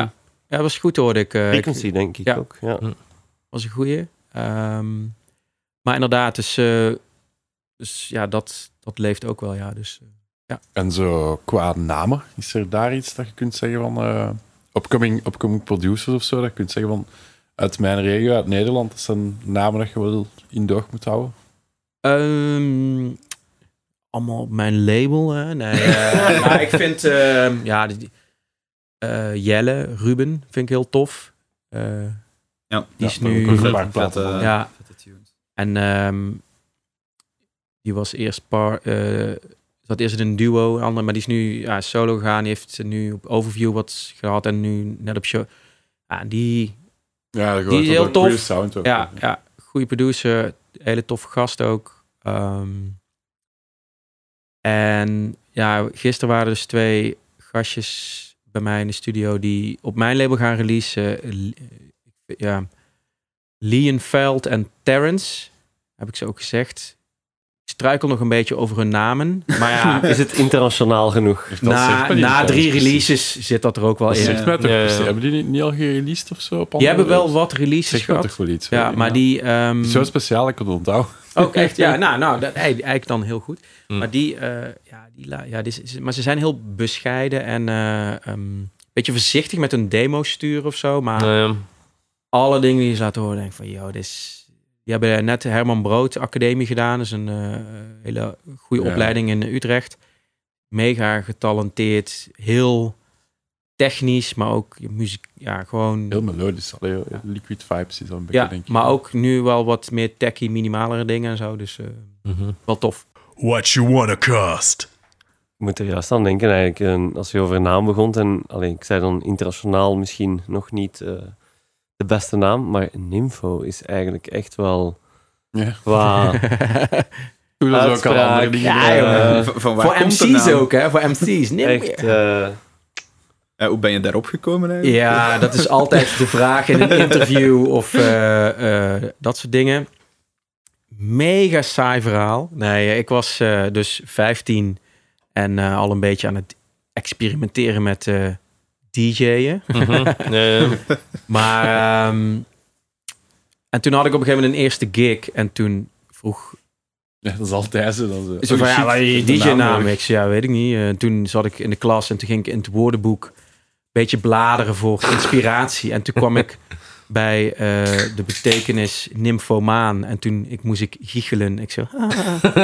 En toen eh, heb ik van die PH een F gemaakt, nympho. En dat is het. En toen, toen heb ik wel na een paar jaar zo gedacht van, ja, dat moet ik veranderen. Het is gewoon eigenlijk gewoon Ieder- iedereen, iedereen. Ja, Ja, ik heb ook zo'n verhaal. maar gewoon, ja, het wekt interesse. Wat je zegt, het bekt lekker. eh, ja, nee, ehm, dat. Oude. Ik denk Hm. er niet eens meer over na, maar het is altijd heel vaak zo'n vraag. Ik heb zelfs een keer, toen eh, wilde Dave Jenkins, die doet voor UKF, Mm. schreef hij altijd artikelen. En toen was hij met ADE, was hij in Amsterdam.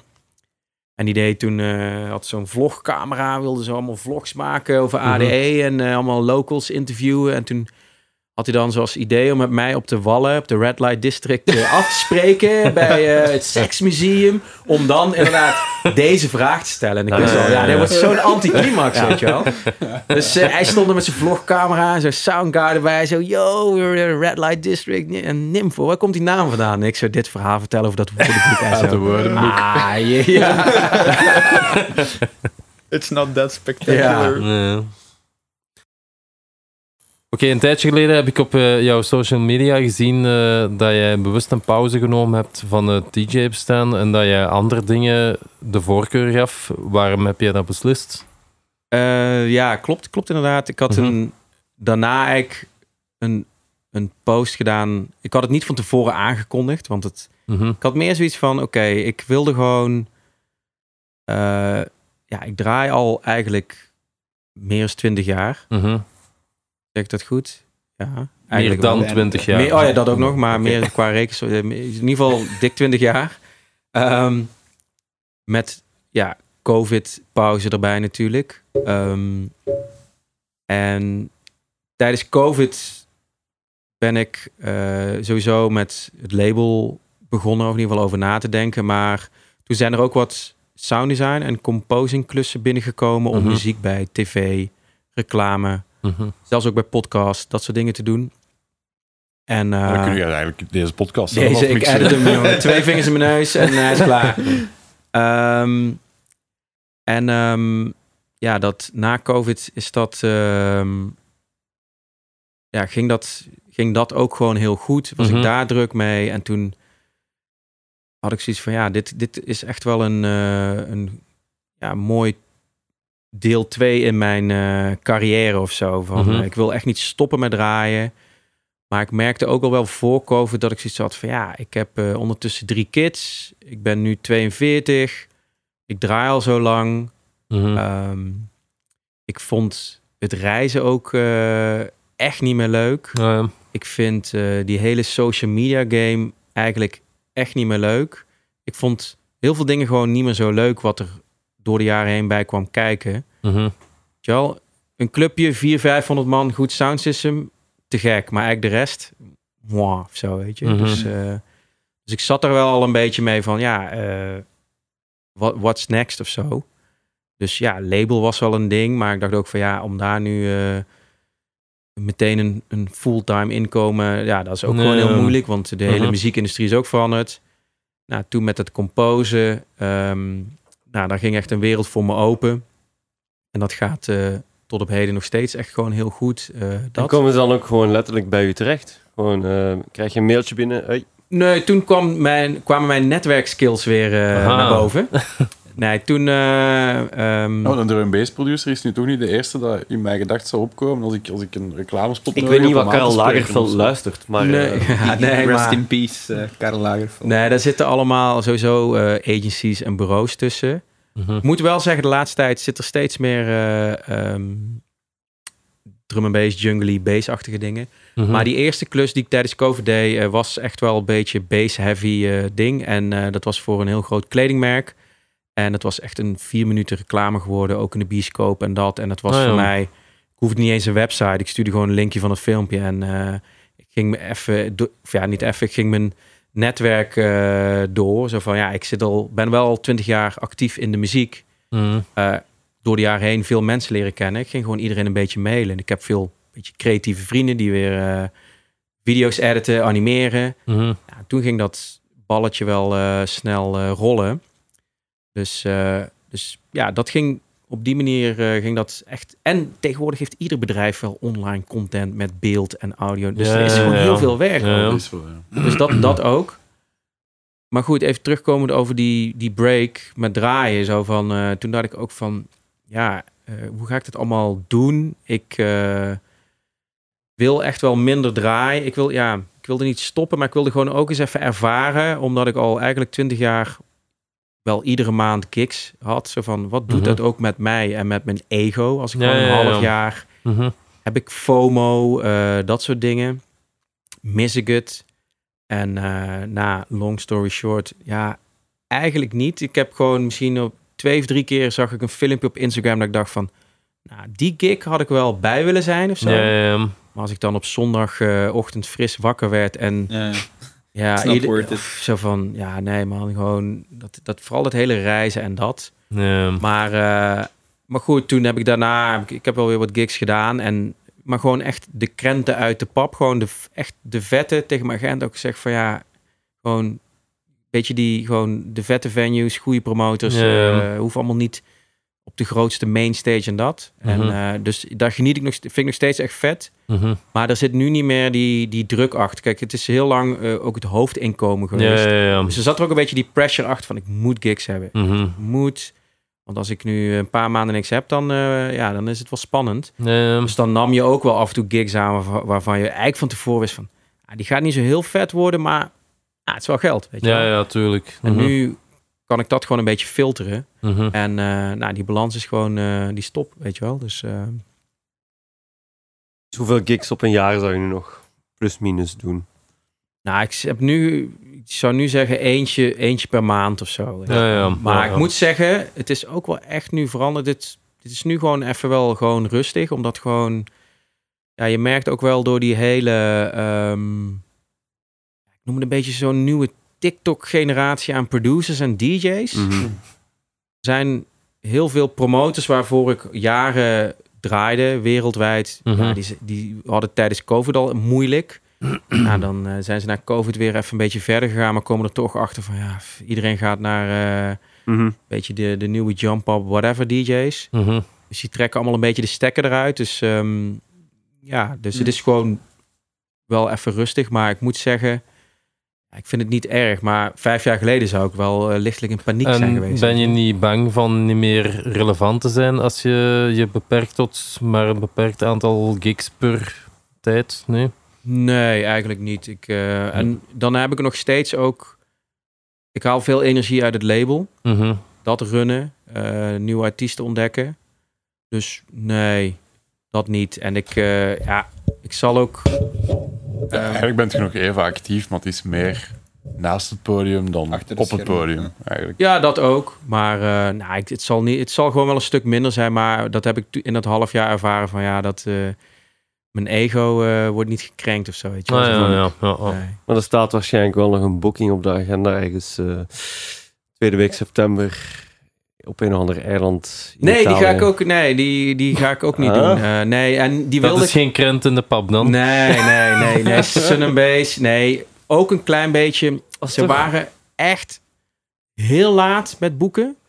En ehm, nou, ik heb nu, dat kan ik ook wel zeggen, eh, groen licht gekregen om voor een bedrijf waar ik veel voor werk voor heb gedaan, eh Sound zijn klussen, om eerst de bioscoopfilm helemaal te gaan eh, eh, doen. Oh, mooi. Ook cool. Sound, effects, alles. Dolby Atmos, eh, dat. En ja, die, dat wordt wel een vier, vijf maanden fulltime klus. Dus Nou ja. Ja, en Sun and Base, ik vind het, het is natuurlijk heel vet, ook om iedereen weer te zien.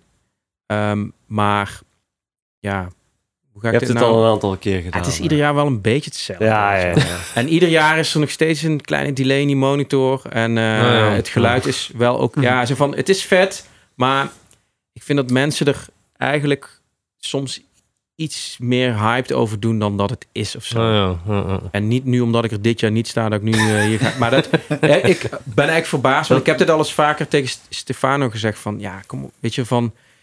eh, iedereen draait daar gewoon voor, een, eh, voor vakantiegeld. Hè? En dat, is- dat, dat is goed, want daar, dat bevestig je ook. En dat is, eh, maar dan moeten wel de basics gewoon... Dan moeten wel een Ja, ja, dik ja. sound Beetje hebben nieuwe en gewoon een goede setup. Maar het is voor mij ieder jaar een beetje van... Ja, als ik een jaar mis, dan is het ook niet zo heel erg. Want het was vorig jaar toch ook zo of zo. Ja. Ja, Maar waarschijnlijk, als ik volgende week of wanneer is het, dat is de week. al die eh, filmpjes voorbij zie komen, dan zal ik af en toe wel een keer boos op Ik mezelf zag zijn. heel vaak, eh, eh, ja, Kloet en jij. Ja. eh, Ja, dat, dat ga ik missen, want met Kloet was gewoon gezellig. We, we waren altijd een paar dagen samen en gewoon zo. We hadden wel zo'n kliekje. Dus dat, dat, dat ga ik zeker missen. En tuurlijk, wat ik zeg, als ik het allemaal straks weer voorbij zie komen, Mhm. natuurlijk Ja, mis je dat. Every Als ik, als ik hier in de regen naar mijn studio fiets. Ehm, maar ja, het is wel een beetje een keuze van, ja, nee, nu dit Ja, jaar even... Ik, even ik was onlangs naar een podcast aan het luisteren van Mosey. En Mosey ging vroeger blijkbaar ook altijd naar Sun and Bass. Ah ja, En die hoorden dan daags nadien op het strand dat mensen zo super lyrisch deden over eh, wat, wat Sun and Bass was en wat de DJ's allemaal deden. En dan had hij zoiets van, ja maar het is niet dat je een open hartchirurg bent en dat je mensen hun leven gered hebt. ja, Je hebt gewoon ja, wat plaatjes gedraaid en het was vet. ja maar precies.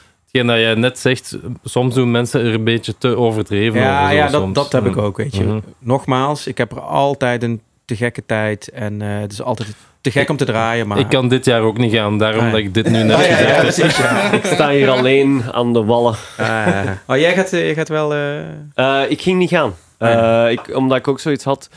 Eh, vorig jaar was wel, eh dat, dan was eh, Wouter ook wel mee. Mhm. Vorig jaar. Het is, ehm, sorry dat ik om... Het is ook een beetje nieuw publiek wel. Een beetje, beetje van die ah, rave wel, kids. en ik denk, ik, ik heb één jaar Ja. gemist. Eh, ik denk dat ik ben sinds 2010 eh, Ah, ja. elk jaar Ja, geweest, ja. behalve 2019. En dan uiteraard twee jaar COVID. Mhm. En 2019 was het ook gewoon omdat ik had er even genoeg van, van het Hmm. nieuwe volk, zal ik Ja, ja, ja, eh, nee, ander volk. Ja. En vorig jaar was echt, Ja. ik denk, eh, niet het beste misschien, want dat is Ja. altijd het eerste jaar, maar wel eh, niet ver na het beste jaar ever. Oké, Ehm, ja. Was eh, muzikaal, eh, ja, een van, ja was, was top. Ja. Qua crowd top. Eh, echt zo terug de, de, de old Ja. school vibes eigenlijk Ah, van ja. tien jaar eh, Ja. geleden. Ehm, en, en dat wou ik niet eh, verstoren. Ja, Dus ik dacht, eh, dit jaar gaan we niet. snap. Ehm, maar dan één eh, gig op Rampage. Eh, met een aantal eh, andere Belgische DJ-boys die daar een huis hebben gehuurd. eh, en wat pinten later, eh, dan was de vlucht geboekt. Eh, dus ja, dan dan gaan we toch wel gaan. No way back. Maar ja, eh, maar een paar dagen. Ja. Eh, zaterdag, woensdag. Het is ook Ah, niet meer heel de week. Ja, eh, ja, het is hard werken. ja, dat is echt eh, het is Duur. dodelijk. Ja, het is duur geworden. ook, Duur, maar... nee, dus ja, nee, die niet. Maar die, ja, dat kwam meer door andere werkzaamheden. Maar eh, ja, wel een beetje de krent uit de pap, weet je wel. Mhm, Dus, mhm, Oké. Zeg, en de naam is er net al gevallen. Karl Lagerfeld, Allee, toch een supergrote naam op in, in de modesector. Hoe ben je daarbij eh, terechtgekomen om daar muziek voor te maken dan? Ja, dat ging via. Ja, er zijn een aantal van die sync tussen bedrijven, tussenbureaus die gewoon, eh, of gewoon die zoeken muziek bij reclame. Mhm. En eh, van die grote partijen huren dan zo'n bedrijf in. En dat syncbedrijf zet daar een aantal producers op. En dan doe je eigenlijk meestal mee aan een soort van eh, betaalde pitchronde. Dus, eh, Mhm. en, Ah, ja. ehm, Echt eigenlijk de filmsterren eigenlijk. Zo au- audities, of hoe moet ik het, hoe moet ik het zien? Sorry? Audities, of hoe moet ik het zien? Nee, je stuurt gewoon een. een, eh, een je krijgt een Demos. hele flinke brief, briefing en je maakt daar aan de hand daarvan gewoon een, een track Ah ja, die daarbij past. Nou ja. En dat zinkbedrijf laat dat dan weer aan eh, de klant zien. En die maken dan weer een, eh, een keuze. En eh, deze, ja, die had ik. eh dit was via hetzelfde bedrijf die dat allereerste, die vier minuten reclame van het kledingmerk hadden gedaan. Mhm.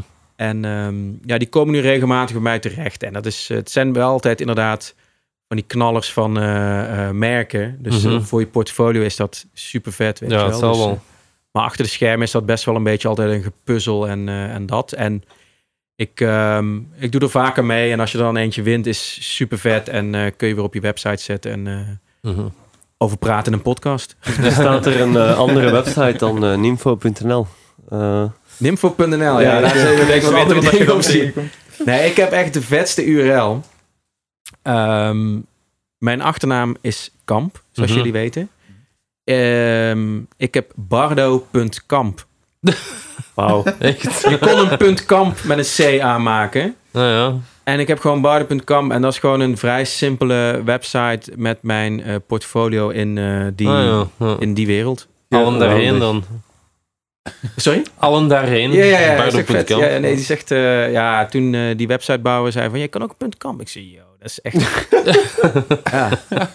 Hij zegt vet. Ja, ik vind het En- vet. Ik vind het vet. cool. Weten die klanten dat je dan ook bezig bent als Nympho en heel die eh backhistory? Ja, die, die, deze wel. Ja, ja, ze weten wel een beetje mijn, eh, mijn, mijn, mijn verhaal. Want ze selecteren wel dan die composers. Als je zo'n pitch hebt op je sound een beetje. Dus het, die Karl. Lagerveld was geen drum en bass, maar wel een beetje bass heavy. Zo, van dat soort woorden. Mountain. Ja, ja, hij daar nou op een afterparty ineens een uh, Nympho DJ set Ja. Ja, gaan ja, precies, ja. Dan kruipen geen door een base beats in die dingen dat je aan het ma- maakt voor hen of zo.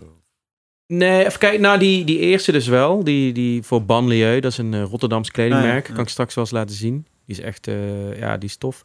Maar, ehm, nee, het laatste eentje voor. Volgens mij de Lidl. Mogen we misschien een, stukje opzetten in de podcast? hè? Ja, ja, ja, zeker. Ja, ja. Dus Hm. Lidl, de Supermarkt. retail. Supermarkt, ja, ja. Die moest, nee, of was het de Lidl? Nee. Die moesten ook iets drum en bass. ik weet het niet meer precies. En zij hebben een hele grote connectie in ehm Link in Italië. Moet ook heel veel biermerken. Ook ik, ik Noosa, de, de Ah, ja. Dat was Mhm. een van de eerste die ik Wauw, Die film moest ja, doen. tuurlijk. Nou ja, cool. Maar niet geworden helaas, maar dat was wel echt heel grappig. Ik zo, ja man, dat biertje ken ik. Dat drink ik ieder jaar eh, op Sun and Base. Dus, eh, je, wel, je hoort wel tegenwoordig vaak een reclamespotje of iets Zeker. anders Ja, met ja, drum bass waar. eh, beat in. Vroeger was dat niet. nee, gisteren eh, zag ik nog op Twitter dat eh, Nia Archives, die eh, werd Mhm. gedraaid twee minuten lang onder een Champions League eh, reclame of zo. Ah, ja, oké, ja. dus eh, yo, vet. Tegen zo'n briefing van een van, ja, Karl Lagerfeld eh, re- reclamespotje, wat, wat staat er allemaal in? Wat zijn zo richtlijnen die je moet volgen? Of wat, Ja, dat- wat dus wordt er die verwacht? briefings Want- zijn verschrikkelijk, vind ik. Want ja. eh, het, Is het, meer, is het verschrikkelijker dan de rider van een gemiddelde drum bass DJ? Ja, ik denk het wel, ja. Nee, nee, weet je wat het vooral is? Ehm, de briefings vallen eigenlijk wel mee. Die zijn eigenlijk best wel duidelijk, maar Mhm. het traject daarna. Want Ja, ja. ehm, kijk, als, als ik voor Nympho, als Nympho muziek maak, ben ik de baas. Weet je wel? Zo van, Ja, eh, ik- alle keuzes die ik maak, hoef ik met niemand te overleggen. Weet je Mhm, wel? Of af en toe ja. een beetje feedback van een vriend of zo. Maar, dus dat doe je gewoon allemaal zelf. Maar als je vooral voor zo'n klant als Carla, of van die grote klanten, daar willen heel veel mensen die niks van muziek snappen, toch Hun mening. een Ja. mening over geven. want zij zijn artistiek. Ja, ja. ja, ja. En jezus, dat is dan zo. Dan krijg je een hele duidelijke briefing. En dan doe je eigenlijk precies wat er gevraagd wordt. En Mhm. ik vraag ook altijd referentietracks. Hoe moet het? Dan doe je het precies. En dan krijg je eigenlijk altijd zo van... Ja, nee, dit is toch eigenlijk niet precies wat we zoeken. Kun je... Ja, ja, ja, ja. dan, En hoe, oh. hoe, hoe gaat dat dan? Is het dan via e-mail of moet je dan zo echt naar een boardroom? En dat er dan zo vijf Nee, dit is via dat tussen... Dit is eigenlijk eh, via dat tussenbedrijf. Ik heb eigenlijk Ah, met... Ik kom helemaal niet bij Carla. Nee, ik zit gewoon... Ik heb contact met een producer, zoals dat heet, bij eh, dat tussenbedrijf. Mhm. Eh, en daar bel ik dan tien keer op een dag mee. Ja, kun je dit nog even, dit, nog even? Ja, oké. En dan is het eigenlijk heel vaak dat je zo de, ja, de eerste versie vind ik dan altijd het vetste, want dat is gewoon puur. Ja, ja, ja. Ja. En dan Mhm. bij, bij versie 12 en dan is zo bijna alles uit versie 1 weg. Ja.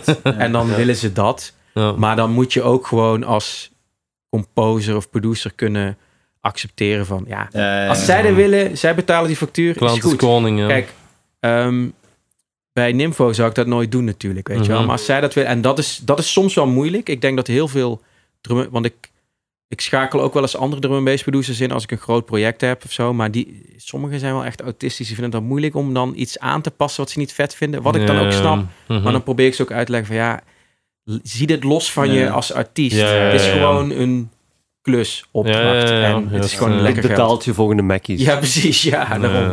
Mhm. Oké. Ik denk, ehm, zijn er nog vragen? Ehm, ja, ik had nog wel een vraag. Ehm, want Matchsticks en eh, Frankie Mountain zijn al ehm, de revue gepasseerd. Maar wat is eigenlijk de productie waarvan dat jij zelf het, eh, me- allee, waarop dat jij zelf het meest trots bent? Nou, eigenlijk misschien wel toch wel Matchstick. Want die draaide ik laatst nog een keer ergens. En die heb ik toen nog in Reason gemaakt. En ehm, ik ben op zich eh, best oké met mixdowns. Maar ik ben geen, ja, ik ben geen noisia, weet je wel. Of ja, Mhm. is niemand. Maar meer zo van... eh, technisch ben ik gewoon oké. maar in drum bass zijn er echt zoveel nerds, geeks... Ja. die zo niveau zo hoog, weet je wel. Zo, dat ga ik, gaat mij nooit... Of ja, moet ik heel veel tijden stoppen om dat te, te halen. En bij Matchstick, die heb ik toen in Reason gemaakt. Mhm. In mijn eh logeerkamertje in de Javenstraat in Amsterdam-Oost, weet je wel. Zo, niet echt een soundproof studio, volgens mij nog, weet ik veel wat. Maar altijd als ik die draai, denk ik van, yo man, klinkt nog zo goed. Zo Mhm. van, zo ehm, relevant qua mix ook of zo. En heel veel van die dingen, ja, weet je, nieuwe productietechniek, heel veel hoor je van, ah, dit is wel oude, oudere plaat. En dan Ja, moet, je, ja, moet je toch een beetje die, die treble en die mid bijdraaien. En dan klinkt het soort van, oké. Mhm. Magic zo van, klapt er gewoon lekker in nog, weet je. Ja, dus, Ja, eh, ja, ja, ja, ja. dus daar ben ik nog wel echt heel, heel blij mee of zo, weet je wel. Dus, eh, Dat is ook een VIP van, zeker? ja, dat doe je dan. Hè. Als je een soort van hitje hebt, dan maak je een VIP. En ja, die was gewoon oké. Meer zo'n DJ-tool of zo. Ja.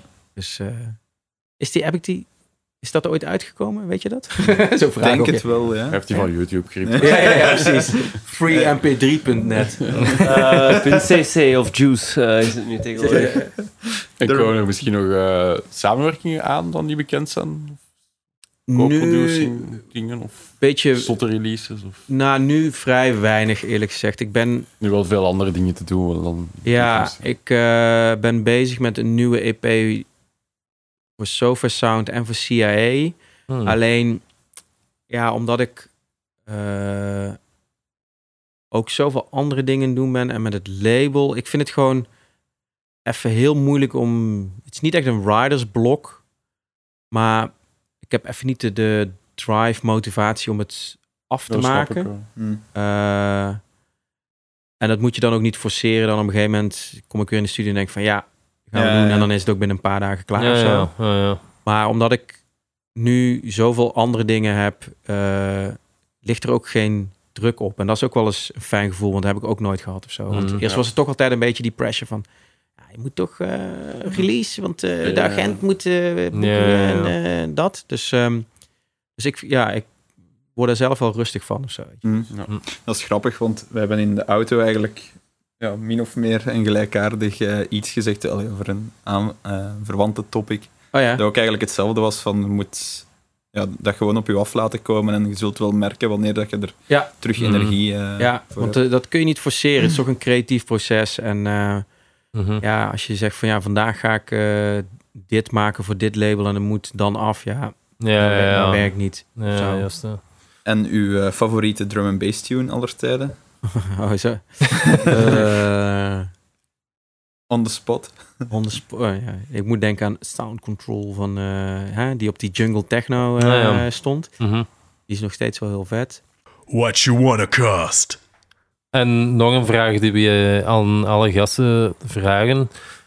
Je bent al veel op tour geweest, je hebt al heel veel gigs gedaan. Welke eh, sappige verhalen heb je al meegemaakt? De sappige verhalen rubriek. Ja, welke Oh, rock'n'roll rock'n'roll verhalen heb je al meegemaakt? Je moet Ehm, weten, wacht, Waarin dat je voor- het hoofdpersonage was of hetgeen dat je hebt zien gebeuren? Voordat je begint, ehm, luister na deze podcast. Ja. Vooral naar de laatste podcast met Marvel.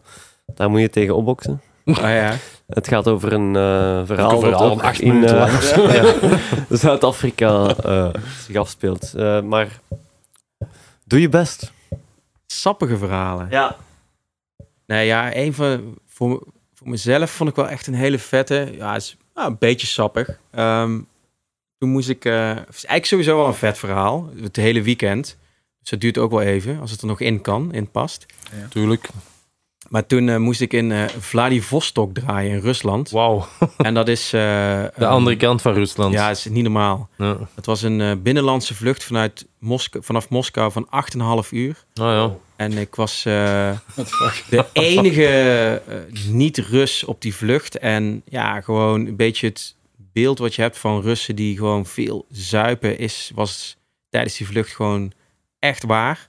Want ik zat volgens mij op rij 4 en er waren al zo zeven flessen wodka eh, er doorheen en dat. En toen ehm, moest ik eh, ja, landen Vladivostok, promotor ophalen. En toen draaide ik met Spectrasol op, eh, op het strand. Oh, ja. Het was daar zomer en er was een, een, een gig, 2000 man, Spectre Soul, daarna ik, perfect, weet je wel, qua line-up vet en mensen vonden het helemaal gewoon super, super vet. En toen ehm na mijn set ging ik een, eh, een rondje lopen en toen ehm, stond er eh, zo'n gast met een bezweet shirt en ik moest zijn shirt signeren, weet je wel. Ik zo met zo'n stift op zo'n nat shirt een soort van mijn naam probeerde te zetten. En naast hem stond zo'n Russisch meisje met grote, pronte borsten. Mhm. En eh, nou, die, die keek me zo aan. En die gast stond daarnaast, dat was zo haar vriend. En toen eh, haalde zij zo één borst eruit. Dan moest ik haar borst signeren, weet je wel. Maar er stond zo'n brede Rus naast. Ik stond in Vladivostok. Ik zei van, ja man, ik weet niet. Dit, eh. En toen keek ik hem zo aan en toen keek hij mij zo aan zo... Yeah, do it, do it. En toen eh, heb ik zo Nympho op die, tiet, op die borst geschreven. En nou, toen... Ja, weer eh, verder met mijn rondje. Toen eh, naar het hotel. En toen eh, moest ik de dag erna in Groningen draaien. Oh, Dus ik moest... Stond die Rus daar weer? Ja, nee, nee, ja, precies. Op het strand van Groningen? maar toen ehm, moest ik de dag erna dus... eh, en ik had dan met mijn agent zo van... Ik wilde, want die Groningen gig stond al. En ik zo, ja, Vladivostok kan dit logistiek. maar met tijdverschil en alles was het eh, mogelijk. Maar dan moest ik wel één specifieke vlucht, terugvlucht vooral hebben. En dat was zo om acht uur s ochtends, dus vier uur na, eh, na mijn set. En toen weet ik nog, toen eh, had ik zo speedy boarding, of hoe heet dat, zoals eerst. En toen ging zo die deur van het vliegtuig eh, open. En toen zag die stewardess mij, die ook op die heenvlucht zat. Want die zat al mij zo aan te kijken van, ja, hoezo doet, wat doet deze, deze gast op deze vlucht? En ja, tien uur later zat ik weer op de vlucht terug. Dus ik keek van, yo man, dit is, gaat hij nou weer, weer terug, weet je wel? Dus ik weer 8,5 uur terug naar Moskou. Toen prrp, terug eh, naar eh, Moskou, Amsterdam. En toen was ik zo zaterdagavond eh, half acht weer thuis. Ik was donderdagmiddag vertrokken. En toen ehm, dacht ik van even snel thuis douchen en dan pak ik de trein naar Groningen. En dan zou ik daar slapen en dan dag erna terug. En toen kwam ik zo om eh 12 uur aan Groningen. Was ik om half één in Simplon. Was voor Noisia zo'n avond. Mhm. Eén uur draaien. En ik had echt zo nog steeds niet geslapen, weet je wel. Toen mijn set gedaan. En toen draaide na mij eh, ID en Hidden. En die Mhm. moesten daarna nog terugrijden naar Utrecht. En volgens mij naar Goes of zo. En zij zo, ja, je mag mee eh, terug naar... eh, weet je wel, we moeten toch die kant op. Drop je wel op Utrecht en dan pak ik de trein naar, naar Amsterdam. En ik, ja, ik dacht van, oké man, gaan we doen. Dus ik na die set terug naar huis. Of naar Utrecht. Zo om zeven uur in Utrecht, half acht thuis. En toen was ik zo, weet je wel, zo donderdagmiddag vertrokken naar Vladivostok. terug, Groningen, terug, zondagochtend. Ik kwam zo thuis, mijn vriendin werd wakker. Zei zo, en eh, was je weekend? Ik zo, geen idee. Toen de dag erna, of toen ik wakker werd, op Google Maps gekeken wat ik heb gevlogen. Ik zo, jezus, dit slaat echt Ja, ja, ja. helemaal nergens op. Maar wel een goed verhaal voor deze podcast, toch? Absoluut, absoluut. Ja. What you wanna cost? Perfect om mee af te Ja, sluiten, ik denk niet dat we op een betere manier kunnen afsluiten. Ehm, Bardo, eh, dikke merci dat we mochten langskomen. Nou, Yes. dikke graag gedaan. En eh, jullie ook bedankt voor het langskomen. Mhm. En we gaan vanavond nog een feestje maken. Inderdaad. Blijkbaar. Zeker. Ja, jij moet gaan draaien blijkbaar. En Ja, ga gaan we gaan mee doen. met u. Hoppakee. Yes. Wat eten, dat soort dingen. Oké, Gezellig. Goed, tot vanavond dan. Yo. Ciao. What you wanna cost?